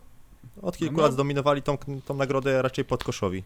No bo co jest bardziej flashy? Buła od tablicy, która gdzieś idzie w trybuny, czy Chris Paul, który ugania się za tobą jak pies i ma sześć przechwytów? No właśnie tego chciałem tak by się też odnieść do tego, co, co Maciek powiedział, że takie właśnie medialne tutaj rzeczy. Tak sam zwątpiłem w to, co powiedziałem wcześniej, czy media tak odgrywają rolę, ale, ale sam siebie tak chciałem może nie naprostować, ale, ale jednak to mi przeszło przez myśl, że to, to medialność właśnie trochę, trochę jednak robi robotę. Znaczy pierwsza rzecz to jest też skala, tak? Co daje obrona tego zawodnika i tu się zaczynają y, statystyki zaawansowane, które większości ludziom podpowiadają w tym, przynajmniej tym, którzy nie pamiętają albo nie oglądają spotkań, nie mają notatek. A ty To- chyba z tego co pamiętam, to bardzo lubisz statystyki zaawansowane, co? A, już teraz nie, bo to tak naprawdę t- teraz mamy bańkę i statystyki zaawansowane będziemy mogli sobie schować, już nie powiem gdzie. No tak. Bo będą się działy rzeczy, które będą abregacją albo w jedną, albo w drugą stronę i ten sezon tak naprawdę pokaże to, że te zaawansowane statystyki może nie są aż tak ważne, po prostu trafiaj w to okrągłe z blachy, nieważne ile razy rzucasz, to ma wpadać. Hmm. No, w sumie. Nie, dobra. Coś, No w coś sumie co? Patryk się To- zgodził jak zwykle to- i poszedł dalej po prostu. No nie, bo chcę powiedzieć w sumie, co Michał man, y, kogo obstawia, tak jakby do końca. Co, Davis? No chyba Davis, ale bym złamał na Bama Adebayo, bo on też robi różne rzeczy w obronie i też nie do końca jest takim wysokim, takim wysokim jak Rudy Gobert, jednowymiarowcem. No, o tym w sumie sam nie pomyślałem, jakby tutaj e, zapisując sobie, ale faktycznie, przypominając sobie tutaj mecze, mecze Miami, to, to faj, faj, fajnie broni. Jeden na jeden fajnie potrafi ustać, że nawet wyciągając go na obwód, to, to gdzieś tam nie plączą mu się te nogi. Także to też spoko. E, a co, Maciek u ciebie? A ja mam takie jeszcze takie jedno pytanie. A co myślicie o Kałaju? W sensie nie pod względem tego, czy brać go w ogóle pod uwagę na ten moment, ale na temat tego, jak jego defensywa wygląda w tym momencie, a jak wyglądała sezon 2 temu, kiedy powiedzmy miał gdzieś tam tą mniejszą rolę w zespole, na zasadzie takiej, że tutaj wiadomo, że jest główną gwiazdą, są oczekiwania, jest presja, etc., etc., etc. Wiadomo, że tam różnie kontuzyjnie to wyglądało, ale tak jestem ciekaw w ogóle opinii Michała pod tym względem. Ja nie wiem właśnie, czy Kawhi nie wszedł w ten cały układ, żeby nie być tą gwiazdą i z kimś to dzielić, bo chyba Paul George jakoś zabiera to wszystko. I to też może wy- wynikać z obrony, że wiesz, masz drugiego świetnie broniącego kolesia na tej samej pozycji, Mhm. możesz zamykać ludzi, wiesz o tym, że nie musisz robić 100% roboty i w końcu pokazywać, że jesteś kałałem, musisz coś udowodnić, tylko w końcu sobie przyszedłeś w, mięciutkie, cieplutkie łóżeczko i ktoś ci śniadanie przyniósł i Paul George jest takim śniadaniem dla niego. Ja nie, No. wąt, ja nie wątpię w to, że będzie jakieś takie małe grindowanko i niszczenie ludzi, bo po prostu kałaj na nich siądzie.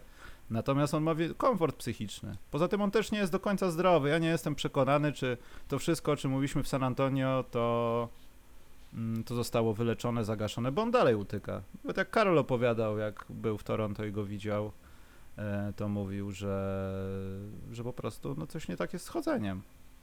Tak, Tak, na takiej prostej płaszczyźnie, że coś z biodrem jest, że Mhm. jak gdyby, nie wiem, no coś, coś było tutaj i to jest takie jakby kręcił, nie wiem, jakieś wznowienie płyty NWA ca, cały, całą dobę, no tak chodzi trochę, taki creep walk ma, ale coś ma z biodrem i to jest albo po prostu tak już się nauczył chodzić, bo coś się źle zrosło, albo dalej coś mu doskwiera.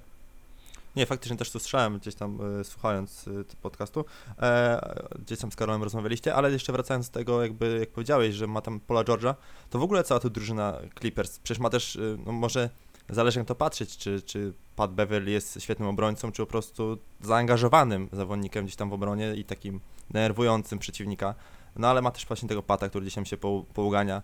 E, Pod koszem ten Montrezl Harrell też nie jest taki, taki do przepchnięcia tak sobie, tak że gdzieś tam tą obręcz broni. Ogólnie cała ta, ta ten kolektyw y, Clippersów jest taki nastawiony też defensywnie w miarę. No tak, no i to też powoduje, że to jest bardzo dobre wyjście dla niego, bo on nie, nie będzie tą osobą, od której się wymaga tego w 100%, tylko on wie, że ktoś jeszcze musi to dać, bo tu są ludzie od tego, po prostu. Właśnie dlatego byłem ciekaw po prostu tej twojej opinii, Michał. Jeszcze można tylko dodać, że mają jakby zgrany, pełny skład, to jestem ciekaw, co, co mogą osiągnąć, bo i trenera mają, i organizację mają, także mają wszystkie, wszystkie możliwości tak naprawdę, z których mogą skorzystać. Pojawi się Joakim Noah, z tego nic nie będzie.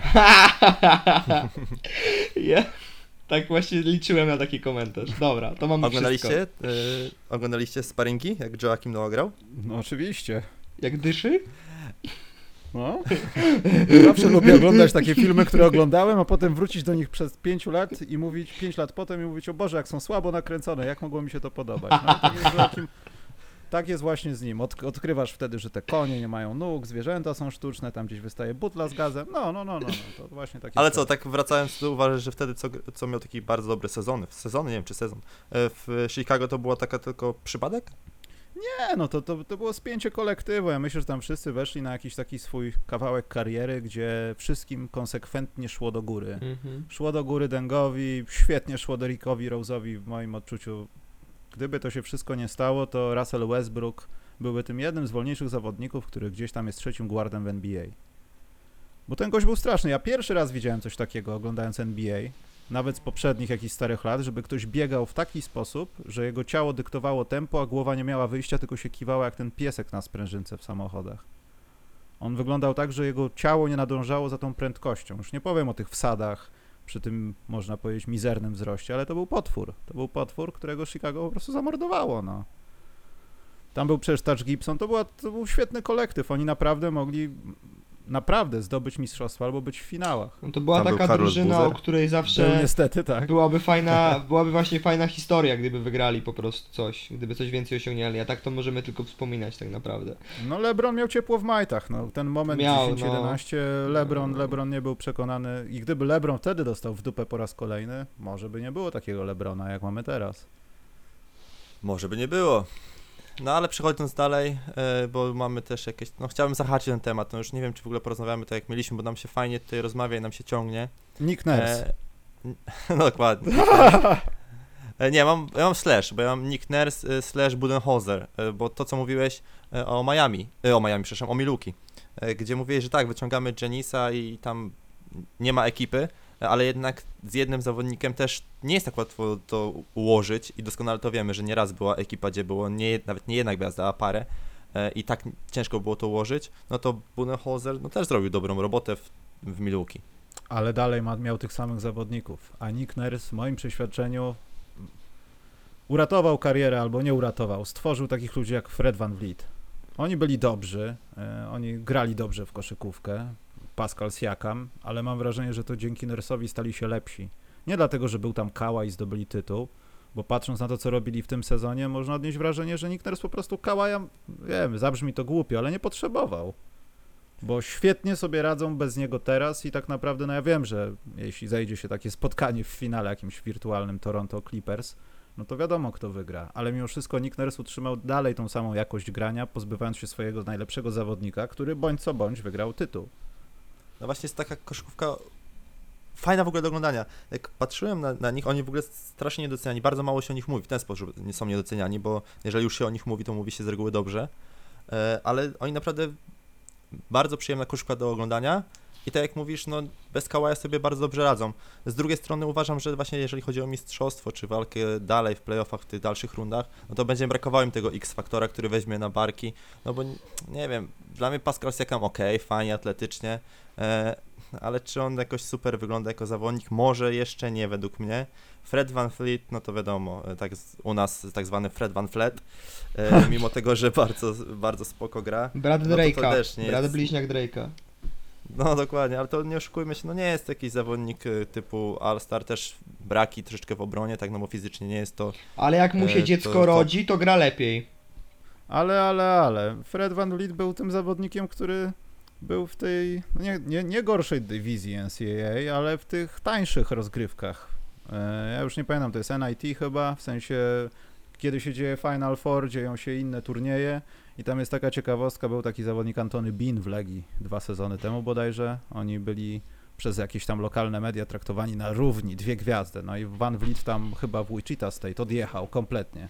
I on nie miał szans na NBA tak naprawdę. Ilu mamy takich zawodników, którzy jakimś psim swędem się dostają do tej ligi? Fred Van Vliet przeskoczył siebie o parę wysokości, myślę, tym co robi teraz. Nie, nie, szacun dla niego też, no bo okej, fajnie.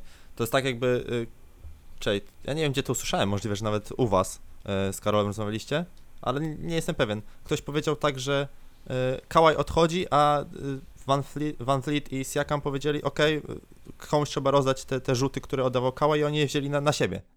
No, To prawda. A poza tym tam się pojawiło kilka osób jakiś tam. Jeszcze, jeszcze trzeba oddać temu małemu, co biega z piłką. Jeszcze trzeba dać taki Boucher, jest gość. Tam są ludzie do ro- robienia różnych rzeczy i to tylko trzeba było... I to właśnie to moim zdaniem świadczy o wielkości trenera, no. Kiedy potrafisz rozdać minuty zawodnika, który pozornie był najlepszy, najbardziej istotny dla twojej drużyny w taki sposób, że nie widzisz straty. Potencjalnie nie widzisz straty, bo to też trochę mit, no. No ale mimo wszystko.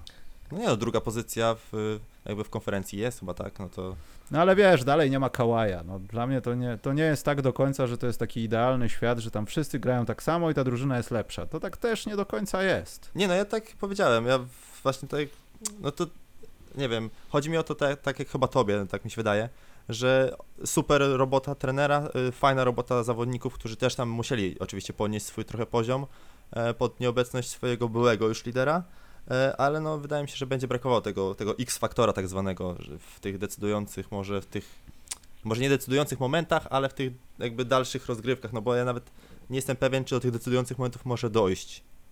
No, to też niewykluczone. Natomiast też trzeba przypomnieć sobie, gdzie był Kałaj, jak był w miejscu, gdzie był Pascal. Kałaj był troszeczkę tłamszony przez San Antonio, ale to przez to, że się musiał nauczyć kilku rzeczy. To samo było z Jimmy Butlerem, jak przyszedł do NBA. Ten chłop nie potrafił rzucać, ale na dzień dobry powiedział, ja zabiję Lebrona i Wade'a w obronie. To wiem na pewno. I Thibodeau gotował go przez półtora sezonu, aż w końcu go wypuścił na boisko. Siakam miał więcej szczęścia. No, no to tyle. E, Maciek, bo ja czekam na. Nie, czekam na Maćka po prostu, bo tak Nie. czekałem, aż, aż się włączysz. Ja słucham... Maciek nie może wąchać mefedronu i mówić naraz. No właśnie. Ja nie wiem, co się z Maćkiem dzisiaj dzieje, bo Maciek, ja wiem, Maciek, mówiłeś mi, że dzisiaj ciężki dzień, i w ogóle teraz praca, szkolenia, te sprawy, późno do domu, e, ale takie, nie wiem, czy ty nas czasami w ogóle, nie wiem, słuchasz? Nie, stary, no ja jestem cały czas, no już nie, nie też nie, nie nakręcaj mnie tak, ja po prostu słucham tego, co mówi Michał. Z zaciekawieniem, Nie, bo po bez prostu lubię tego, lubię tego słuchać, a jeśli mogę wtrącić, to ja jestem jednak za coachem Bulder, z Milwaukee, ponieważ uważam, że jest to y, człowiek, który dostał zestaw instrumentów, zestaw bardzo dobrych instrumentów i świetnie grających, znaczy jeden taki główny, ale też wiedział jak na nich zagrać. I jakby znowu odwołając się do tego przekazu medialnego, którego w ogóle zostanę chyba audytorem, to uważam, że tutaj znowu wynik i wynik drużyny i to ile Dzianis musi grać i jak szybko może sobie pozwolić na to, żeby zejść, to oczywiście świadczy równie dobrze o klasie tego zawodnika i przede wszystkim o klasie tego zawodnika, ale też o, o, o klasie trenera, bo tutaj y, to jest szkoła też San Antonio, tak? Podobne, podobne gdzieś tam rozstawienie, e, jeśli chodzi o, o, o, o zawodników, minuty, o jakby taką dbałość o kolektyw tego zespołu i uważam, że to się sprawdza świetnie, bo mamy też przykład sytuacji Steve'a Kera y, w Golden State, który też się pojawił po prostu w odpowiednim miejscu, w odpowiednim czasie i wiedział jak coś polepszyć i, nic nie spieprzyć. I tutaj uważam, że na podobnej zasadzie to działa i ja akurat pod tym względem będę bronił tutaj yy, coacha Buldenhozera. Mhm. To też jest taki fakt, że gdyby, nie pamiętam jak ktoś, ktoś to wyliczył, ten rzut Kałaja, ile gramów na tam, nie wiem, cal sześcienny na coś tam, jakaś jednostka Mhm. była podana, przeważyło o tym, że ta piłka wpadła w odróżnieniu do tego, co miał Vince Carter kilkanaście lat wcześniej. To było tam jakaś, nie wiem, pół grama, gram, już nie pamiętam, ale jakaś bardzo mała wielkość. Gdyby ta piłka nie wpadła, nie rozmawialibyśmy o tym. Oczywiście. Nie byłoby tak. mistrzostwa, nie byłoby niczego, Embiid by nie płakał, płakałby może z innego powodu. Pewnie by I płakał, Ale, ale, Nick Nurse, ale Nick Nurse nie miał z tym nic wspólnego. On nawet mógł dmuchać tam i ta piłka by nie wpadła. No widzisz, może to był ten właśnie X-faktor, nie? No bardzo możliwe, no. Poza tym szczęście. No to jest dalej ten element w sporcie, którego nie da się wyeliminować. No czyli podsumowując, y, Nurs, Budenholzer, tak naprawdę no u mnie jest Slash, u was jest Nurs i Budenholzer, tak? Ten gitarzysta z Guns N' Roses? Tak, Slash? Tak, ten slash, Tak, dokładnie. tak, tak, ten Też o y, tym pomyślałem. tak? A jak powiedziałeś mały z piłką z Toronto, to myślałem, że mówisz o mnie. Chciałem się wtrącić, No. ale miałeś tak piękny wywód, że mówię, nie, nie A- przerywam tego tanim żartem o gryczanie. Czy ty, Maciu, grałeś w Toronto? Nie, nie, nie, nigdy w życiu. Ja po prostu zawsze byłem No mały. Okej. Nie pytam dalej. Nie pytam dalej, nie? Przejdźmy wtedy, jak skończymy, skończyliśmy nagrody, no bo to miało być tak, że przejdziemy do bańki, porozmawiamy, nie wiem, czy cię zdążymy, e, bo tam, Michał, nie wiem, jak z czasem stoisz, No jeszcze trochę możemy pogadać, no. ale chciałbym zahaczyć o inny temat. My jako, mamy kogoś związanego bliżej z dziennikarstwem, tak, jakimś sportowym e, i ogólnie, e, to sprawa Woja na pewno nie jest ci obca. A, czy ja wiem, czy to jest sprawa?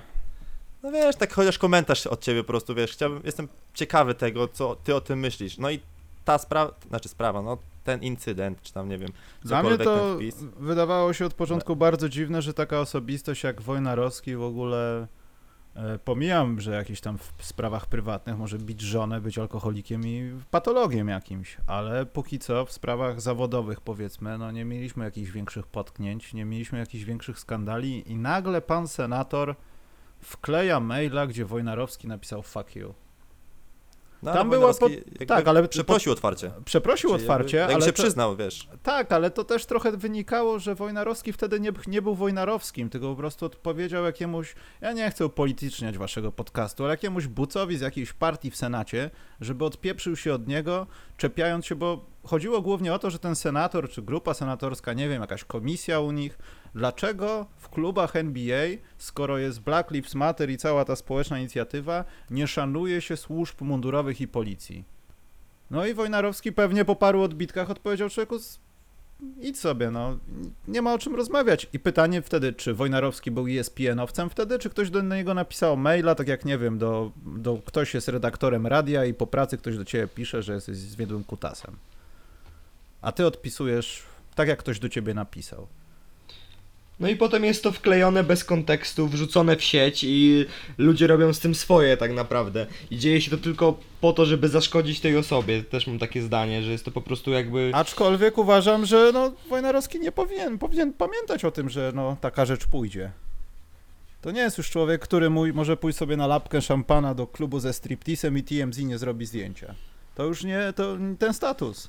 Znaczy z drugiej strony tam też gdzieś y, wyczytałem, że tam była sprawa, mm, znaczy sprawa, kontekst też tego Hongkong- Hongkongu, że tam na, na koszulkach dlaczego nie ma Free Hong Kong i tak dalej, a tam jakieś kilka miesięcy temu e, również na koncie twitterowym, twitterowym, tak, e, tego wspomnianego senatora ta, e, gdzieś tam przewinął się, mm, nie tyle, no like chyba, nie wiem jak to na Twitterze się, nazywa, e, bo nie używam Twittera, Wojnarowskiego, który polubił wypowiedź o, o Hongkongu, gdzie zdjęli mu program jego w Chinach i tam też to podobno była dłuższa, dłuższa jakby ich e, relacja w, w różnych sprawach. Znaczy to się pewnie, na, znaczy nie pewnie, na pewno zaczęło od sytuacji z Morejem związanej i myślę, że ja też, ja tego wcale nie bronię, że on się tak odezwał i w ogóle, tylko uważam, że to jest dosyć dziwne, że taka osoba nagle po paru latach i dzieją się takie rzeczy. To, to, to jest bardzo dziwna sprawa. Poza tym, no to, że przeprosił, to też nie jest dziwne, no. Wiedział o tym, że źle zrobił, tylko nie wiedział o tym, że ktoś to połączy, może się zdenerwował, nie wiem, cokolwiek, no. Także wydaje mi się, że to bardziej była taka chęć prowokacji i udowodnienia tego, że, że można z każdym sobie pograć, niż to, że Wojnarowski stoi po jakiejś stronie barykady w którejkolwiek ze spraw. No także ja nie chciałem jakby tego rozwijać e, u mnie i u Maćka, no bo to jakby ciebie chciałem zapytać, jako że ty jesteś gdzieś tam bliżej tych, tych em, profesji, o. Poza tym bardziej. popatrzcie na to, kogo to obchodzi. No, stało się, mamy drugiego człowieka od newsów na Twitterze. No, I, to i nie ma tyle. znaczenia, nawet jak skończy, skończyło się już zawieszenie albo się skończy, nie wiem, to nawet nikt nie będzie tego przywoływał. Tak mi się wydaje, więc No ale mamy taki, wiecie, ho- hot temat, może tutaj wypowiedź twoja. to Może już, było, to już było tak gorące, że już, że już wystarczy. Dobra, a druga sprawa też podobna, no bo to też osoba medialna, może nie dziennikarz, ale komentator Kings, który y, został wyrzucony albo sam zwolnił. Szczerze mówiąc, są różne tutaj informacje. Za swojego tweeta w stosunku do Kozinsa, odpowiedź w sumie na tweetę Kozinsa, że każde życie ma znaczenie, nie, nie tylko czarne.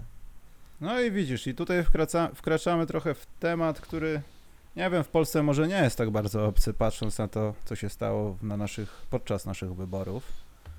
E, wydaje mi się, że ciężko jest ocenić tą sytuację po pierwsze, bo nie jesteśmy tam, po drugie my trochę tego nie rozumiemy i my jakoś tam politycznie to inaczej może trochę byśmy odbierali do momentu, aż byśmy tam nie pojechali i nie zamieszkali przez resztę swojego życia, żeby na to patrzeć.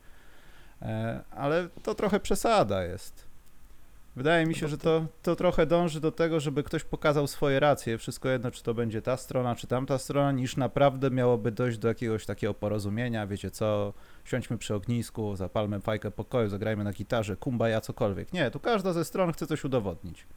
No właśnie, bo my już ten temat poruszaliśmy, ale tak jakby ciebie jeszcze chciałem zapytać, bo według mnie to też jest straszna przesada. To, to jest rasizm, ale, ale właśnie w drugą stronę wydaje mi się i jakby ja wiem, że to się mówi i my też o tym mówiliśmy na ostatnim podcaście i, i Maciek to rozwinął bardzo ładnie i tam e, Do- Dominik i tam ja, znaczy bardzo ładnie, no po prostu dyskusja chodzi mi, dyskusja była bardzo ładna, e, ale e, no to jest przesada gdzieś tam już, wydaje mi się, że to już jest, nie, nie idzie to w tą stronę, którą powinno iść, że już nie walczymy o, o prawa czarnoskórych, tylko, znaczy oni nie walczą o prawa czarnoskórych, tylko już wychodzi na skalę, gdzie, no gdzie takie rzeczy nie powinny się w ogóle dziać.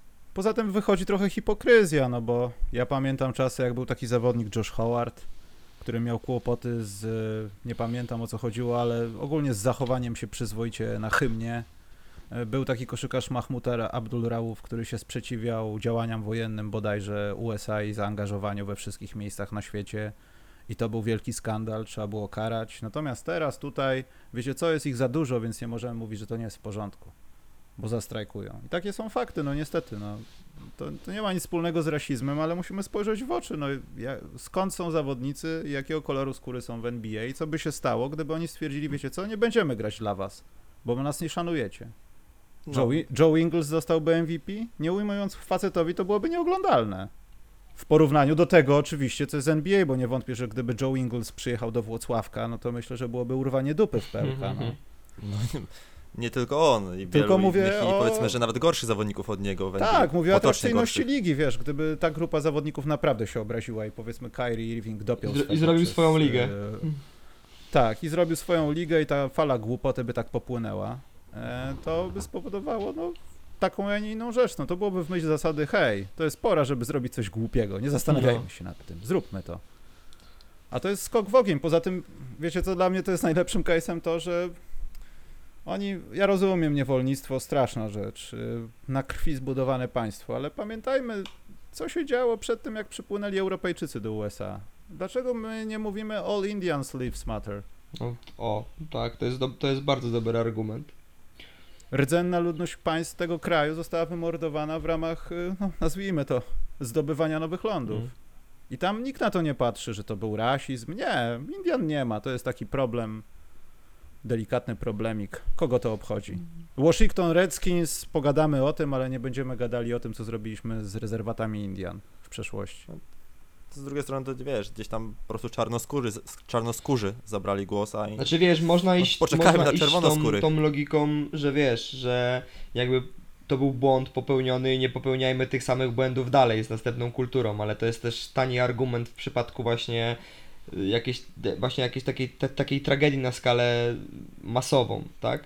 Ale się w ogóle, Poza tym, no macie. nie no, po prostu ja w ogóle nie jestem fanem e, upolityczniania takich prostych kwestii społecznych, na zasadzie, że wiesz, mamy, mamy prawo do wolności słowa, ma- mamy wolność słowa, możemy po prostu mówić co chcemy, możemy mieć nasze, nasze zdanie, ale w dobie internetu wszystko jest sprawdzane, wszystko jest rzucone przez filtr i to nasze zdanie zawsze gdzieś tam albo musi dążyć do tego ogółu, albo do przyjętej normy, bo coś nam się stanie. I w tym, w tym wypadku właśnie tutaj y, sytuacji z Kings bardzo dobrze to widać, uważam. No bo to, to jest tak, że z jednej strony mam prawo wyrazić swoje zdanie, a z drugiej strony boję się o swoją dupę.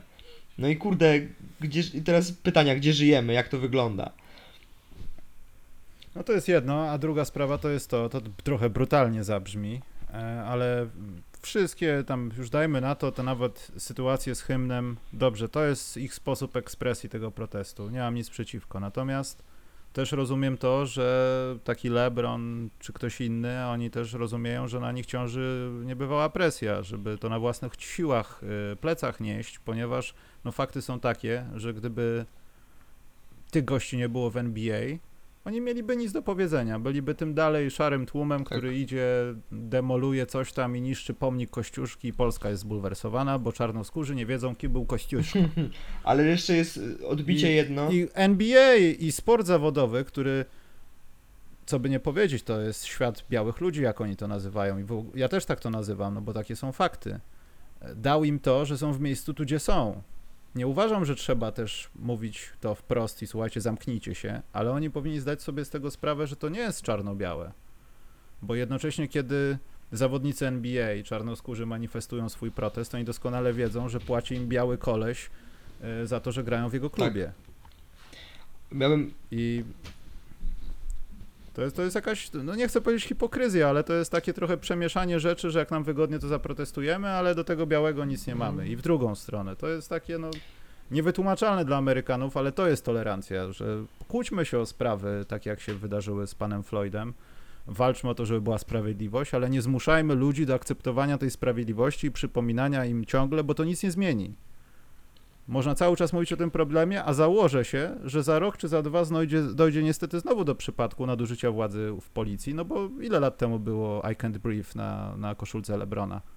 No dokładnie. Takie rzeczy dzieją się niestety tam bardzo często i to jest straszny problem, z którym musi walczyć Ameryka, ale to nic nie zmieni. Ta manifestacja tego nagle nie stwierdzi w Compton ludzie rzucą broń i Mm, będą do siebie no tak. strzelać. Nie, nie. To, to nic to nie, nie jest rewolucja. Jeśli mogę dorzucić, y, to jeśli chodzi o samą presję na Lebronie, o której wspomniałeś, ja myślę, że to, to tak w ogóle działa w dwójnasób, bo jest też pewien y, jakby kanon oczekiwań, którego ta społeczność będzie od niego oczekiwać i po, po, oczekiwań oczekiwać, no zachowań, tak, tego co zrobi, bo jest dobry przykład Asa Parokiego, znanego y, tutaj powiedzmy amerykańskiego też muzyka, który w ogóle nie zajął stanowiska i już jest y, przez właśnie black community y, zlinczowany. Tam ta sprawa troszkę jest grubsza, ale tutaj tylko tak rzucę jako off-top, tak? Ale że po prostu też jest tak samo rasistą jak wszyscy biali. I już to gdzieś wpływa na jego wizerunek, y, na oczywiście na media, na biznes i na wszystko. I odwołując to do Lebrona, tutaj jest odpowiedzialność na jego barkach, by to ciągnąć do przodu i być jakby tym adwokatorem tego, ale żeby to robić w odpowiedni sposób i gdzieś tam wpasować się w te oczekiwania tłumu. Wiecie co mi chodzi? To jest jeszcze większa Tak, presja. poza tym to doskonale było widoczne, już nie pamiętam, który to był odcinek, ale w The Last Dance był taki krótki epizodzik dotyczący tego, jak Michael Jordan e, ustawiał się w sytuacjach i to ta wspomniana sytuacja przeze mnie wcześniej z tym senatorem, którego on po prostu powiedział, mnie interesuje koszykówka, nie interesuje mnie polityka. I wtedy zaczęto mówić o Jordanie, że wiecie co, on nie do końca jest z nami, bo w sumie niby Mm. kolor skóry mamy taki sam, ale dobra rodzina, studia, zero kłopotów, pełna rodzina, bez mamy albo taty tylko. On do nas nie pasuje. Poza tym zobaczcie, on nie chce nam pomóc. Ty jesteś czarnoskóry? Stary, ty nie chcesz nam pomóc. I myślę, że no, nie tylko LeBron, ale ci koszykarze, którzy no, mają jakiś posłuch, oni się z tym liczą. Tylko trzeba pytanie, czy, właśnie, czy, czy to jest taki konwenans, że udają, że się liczą, czy naprawdę się liczą? Bo myślę, że powiedzmy to szczerze, czy takiego kałaja to wszystko obchodzi? On jeździ pick-upem, gra w koszykówkę, obejrzy czasem wiadomości, nie lubi Trumpa, bo to buc, ale w zasadzie dobra, uklęknę. Ale czy on by na przykład zapalił znicz z tego niepokoju w NBA? Nie sądzę. I jest mnóstwo takich zawodników. Tak, i oni płyną bardziej z nurtem po prostu i że dlatego, że to jest po prostu słuszne w ogólno przyjętej opinii, a nie są takimi osobami, które by te działania podjęły. No wiesz, wiecie, no oni też, wielu z nich ma y, osoby od tego, o ich, które dbają o ich PR, które mówią tak naprawdę, co mają mówić i co będzie na nich lepsze. I to Oczywiście. nie tylko, że oni cię jakby uczuciem kierują, ale nie, nieraz podejrzewam jakimiś choćby badaniami, statystykami. Ale też tak mówimy trochę negatywnie o tym wszystkim, że oni tak wydziwiają i takie tam, ale wydaje mi się, że to po części jest też dobre, bo chyba może to też dobry moment, żeby tam się u nich coś zmieniło. E, bo ten kraj dalej w takim układzie nie wytrzyma, jeśli dojdzie do takiego podziału. No, daleko nie trzeba szukać, jak mamy w Polsce pol- polityczny podział. U nich ten podział e, objawi się zupełnie inaczej. To będzie kwestia przemocy. Wrócą. No, ja tego nie pamiętam, wy też nie, ale widziałem filmy dokumentalne o Mhm. zamieszkach w Los Angeles. Tam była literalna wojna. Policja sobie nie dawała rady i to wyglądało jak z drugiej części Robocopa albo Akademii Policyjnej. Samochody poprzewracane policyjne na dachy, ludzie, jakieś zasieki. Tam się literalna wojna była i też się zaczęło od jakiejś pierdoły. Ja, się- ja się tak zgodzę, ja się zgodzę. Jakby- Mój, mój nauczyciel od historii kiedyś powiedział takie zdanie, biorąc na przykład też na starożytny Rzym, że wszystkie wielkie cywilizacje zniszczyły się od środka i że na USA kiedyś w historii prędzej czy później przyjdzie czas. Ja tu nie chcę być wieszczem tego, tak? Ale bardzo się zgadzam z twoją opinią pod tym względem, że tutaj się musi dużo Ale chodzi tutaj o jedno. Wy na pewno jako mło- młodzi ludzie odbieracie to tak samo i E, przykładowo wiecie o tym, że jeśli staniecie sobie z dwoma, trzema kolegami na boisku, a nie macie piłki i jedzie patrol policji, no to 90% szans, że was spiszą i będą się pytali, co macie w kieszeniach. Mhm. To jest tego samego rodzaju problem. To jest straszny problem tego, że ktoś nadużywa władzy. My się możemy śmiać w Polsce, że mamy straż miejską i oni nadużywają nieużywania władzy. Ale tam się nikt nie ceregieli, tam są pistolety, broń, policja może robić co chce i wychodzisz, widzisz kolegę i już następnego dnia go nie masz, bo szedł ulicą i dostał po prostu strzał w głowę, bo ktoś się strzelał. I my tego nie zrozumiemy nigdy. Nigdy się nie postawimy w tej sytuacji. To jest najgorsze w tym wszystkim. Też. Tu jest jak najbardziej racja, tylko sposób manifestacji tego, no ej, no z drugiej strony popatrzcie jak to jest, jak to jest przedstawiane. Oni walczą o swoje prawa, no, że nie mają być tymi gorszymi, wychodząc na ulicę, y, plądrując sklepy, niszcząc samochody, tak jak Michał wspomniałeś, no to nie jest chyba dobry sposób manifestacji walczenia tego, że ej, my też jesteśmy ludźmi. Boże, ja jestem jedyny, co usprawiedliwia tą sytuację, ale e, pamiętasz, nie wiem, w Warszawie takie piękne zamieszki na święto listopadowe? Wystarczy, że jakiś jeden Wszędzie baran rzuci znajdziesz. kamień, albo dwóch baranów rzuci kamień, myśli, że tych trzeci, trzeci i czwarty nie zrobi tego, dlaczego? Dlatego, bo tych dwóch baranów to zrobiło i do tych baranów przyjdzie następna banda baranów, którzy będą robili Tak. to samo. Tak. A to To jak okazuje już, się, że nie, nieszczęśliwie może wszyscy są baranami niestety, Ale to jest nie? psychologia tłumu, to tak działa. Tak, człowiek sobie, człowiek sobie znajduje usprawiedliwienie. E, nawet, e, można to na prostym przykładzie, e, są badania na temat tego, że jeśli osoby czekają na czerwonym świetle i jedna z nich przejdzie, to każda kolejna, przez to, że ta jedna już podjęła taki krok, ma większą skłonność, żeby to zrobić. Niestety tak to u nas działa i jesteśmy bardzo podatni na różnego rodzaju takie rzeczy i znajdujemy takie proste i tanie przyzwolenie na swoje działania w bardzo prozaicznych powodach. Tylko, że my przechodzimy przez ulicę, a oni w czterech biją białą panią, bo jest akurat biała i ma sklep przy tej ulicy, Oczywiście, oczywiście, to jest A znaczna potem różnica. ci biali chłopcy idą demolować cza- czarnoskórych ludzi sklepy i kółko się zamyka. I na koniec dnia nie wiesz, kto to zaczął, nie możesz znaleźć winnych, możesz tylko się mścić albo przestać, masz dwa wyjścia. Nie wiem, może my przestaniemy i zostawimy ten temat, no bo to chyba, nie, no bo jakby to można brnąć cały czas i cały czas o tym rozmawiać, Nie, no bo ja myślę, że przede wszystkim powinno się przestać o tym rozmawiać i zająć się sportem, bo jeśli to się zacznie łączyć dwie rzeczy naraz, to zawsze wygra ta druga rzecz, a nie sport. Ja myślę, że mamy fajne no skończenie. niestety się łączy, mamy to na, i na parkecie, i na koszulkach, i wszędzie Wyobrażasz sobie polską ligę, gdzie ktoś broni i ten drugi do niego mówi, ty głosowałeś na PiS, a ty na PO, to cię teraz uderzę. No, to ja się boję, że niestety tak niedługo będzie. A, no może będzie, ale w, w, tam w Stanach może też ktoś, wiesz, tak powiedzieć. Nie sądzę, żeby... Dlatego też nie jestem zwolennikiem pozwolenia na broń dla wszystkich w Polsce, no bo tutaj jesteśmy... Dobra, dobra, okej, idziemy za daleko, jesteśmy- idziemy za daleko. Nie ma takich rzeczy, ale według mnie nie jesteśmy gotowi. Muszę no, zdjąć może- skarpetki, bo taki facet tak mówi, co wchodzi Możemy zrobić, o, No, możemy zrobić ten, możemy zrobić kiedyś osobny podcast polityczny, ja się chętnie też powypowiadam tam, tutaj podywaguję. A ja nie specjalnie. Myślę, że mamy fajną, ma- myślę, że mamy fajną klamrę na zasadzie tego, co mówiliśmy na poprzednim podcaście i to, co mówimy teraz, tutaj jakby takie porównanie zdań i trochę nasze zdania też w innym ujęciu, bo myślę, że to się fajnie pokrywa dla osób, które słuchają poprzedniego podcastu, jeśli nie, to zapraszamy jak najbardziej do sprawdzenia na kanale YouTube Wieczorowy, po, wieczorowy Timeout Podcast. Tutaj reklama w reklamie. Maciek. I możemy przejść dalej do Szkolenia, następnych. szkolenia, marketing, sprzedawca, widać Możemy widać przejść do, po prostu do następnych tematów, żeby tutaj już nie uciekał nam czas, bo ja też bym chciał za jakiś moment kończyć, bo nie ukrywam, jestem też po pracy, a fajnie by byłoby spiąć A, parę rzeczy. Też mogę lecieć. No to może szybciutko, nie wiem, chcecie jeszcze rozmawiać szybciutko o powrocie NBA, no bo tutaj, nie wiem, dużo rozwinęliśmy tematów, kto ma szansę wygrać, kto nie, ewentualnie. Ja bym tak zapytał Michała jeszcze, może są jakieś tematy, których nie poruszyliśmy. Możemy zawsze się spotkać po raz kolejny, jeśli będzie okazja i możliwość. Jeśli Michałowi się z nami Pewnie. tutaj spodoba, to zawsze jest gdzieś tam możliwość skorzystania z tego oka eksperta i możemy się umówić na jakiś kolejny termin, nie? A co do samego powrotu NBA, to oddaję wam pole do popisu. A ja nie wiem, co ja tu o tym myśleć. Ja już od marca słuchałem, że on wraca, teraz wrócił, już nie ma absolutnie o czym gadać, ale myślę, że to będzie sezon dla koneserów. To już nie chodzi o to, że ktoś się spodziewa, że wygrają Lakersi, tylko ja przynajmniej zauważyłem taką jedną rzecz, że pomimo, że grają w takich kameralnych warunkach dosyć mocno i śmieszne, to wygląda jak w Black Mirror. Hmm. Ludzie, którzy siedzą na Skype'ie i siedzą w publiczności, niedługo będą bilety sprzedawać i te awatary ludzkie będą tam tylko. Pan Kleks tego nie przewidział.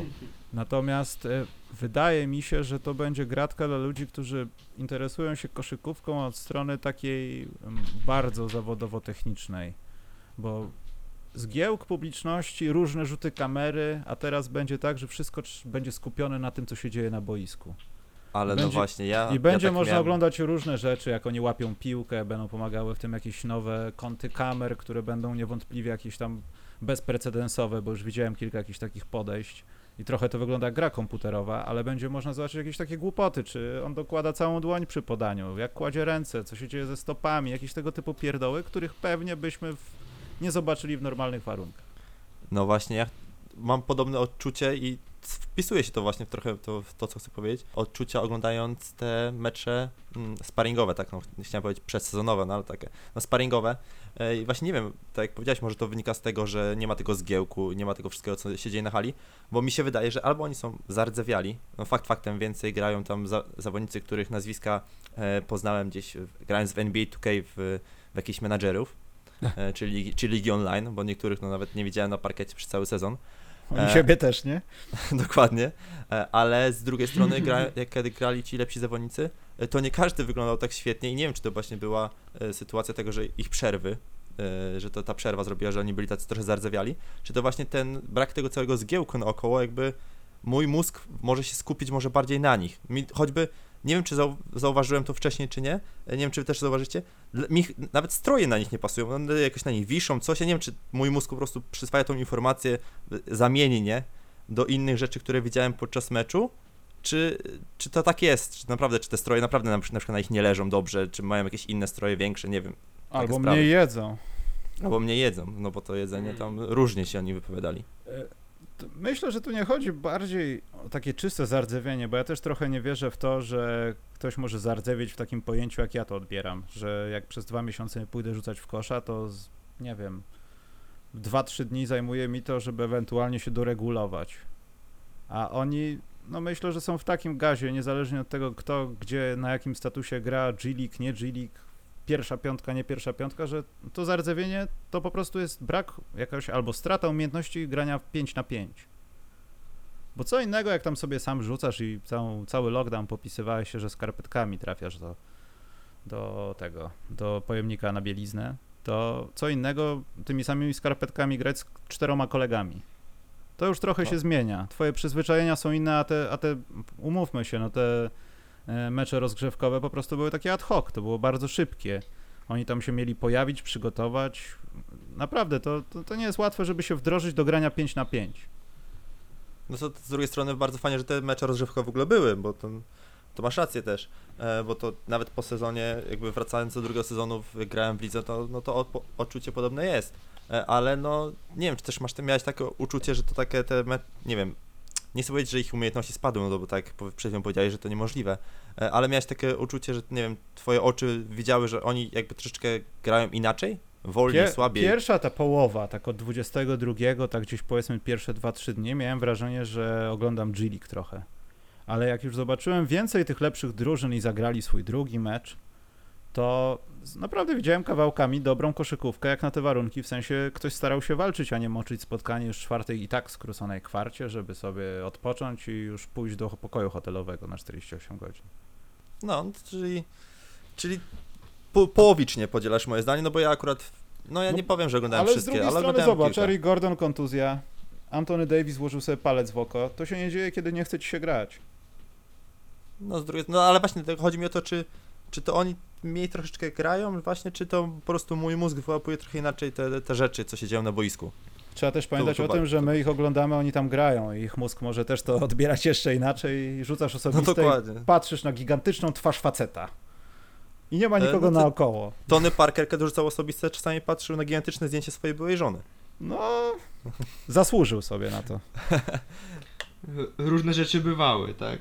Ja myślę, że to jest inny rodzaj widowiska, którym można doceniać i cieszyć się nim na inny sposób i tak jak ze wszystkim wyciągnąć z niego to co najlepsze, bo jest też możliwość bardziej skupić się na grze, na tym jak ona wygląda, na No i samych godziny, zawodnikach. panowie, godziny. To jest- jest chyba najważniejsze w tym wszystkim. Dla nas przynajmniej. No, godzina No 18 tak, meczu to no. jest fenomen. I to fenomen. nie niedziela, tylko będzie Pięknie. tak w sezonie. No i to jest dobre.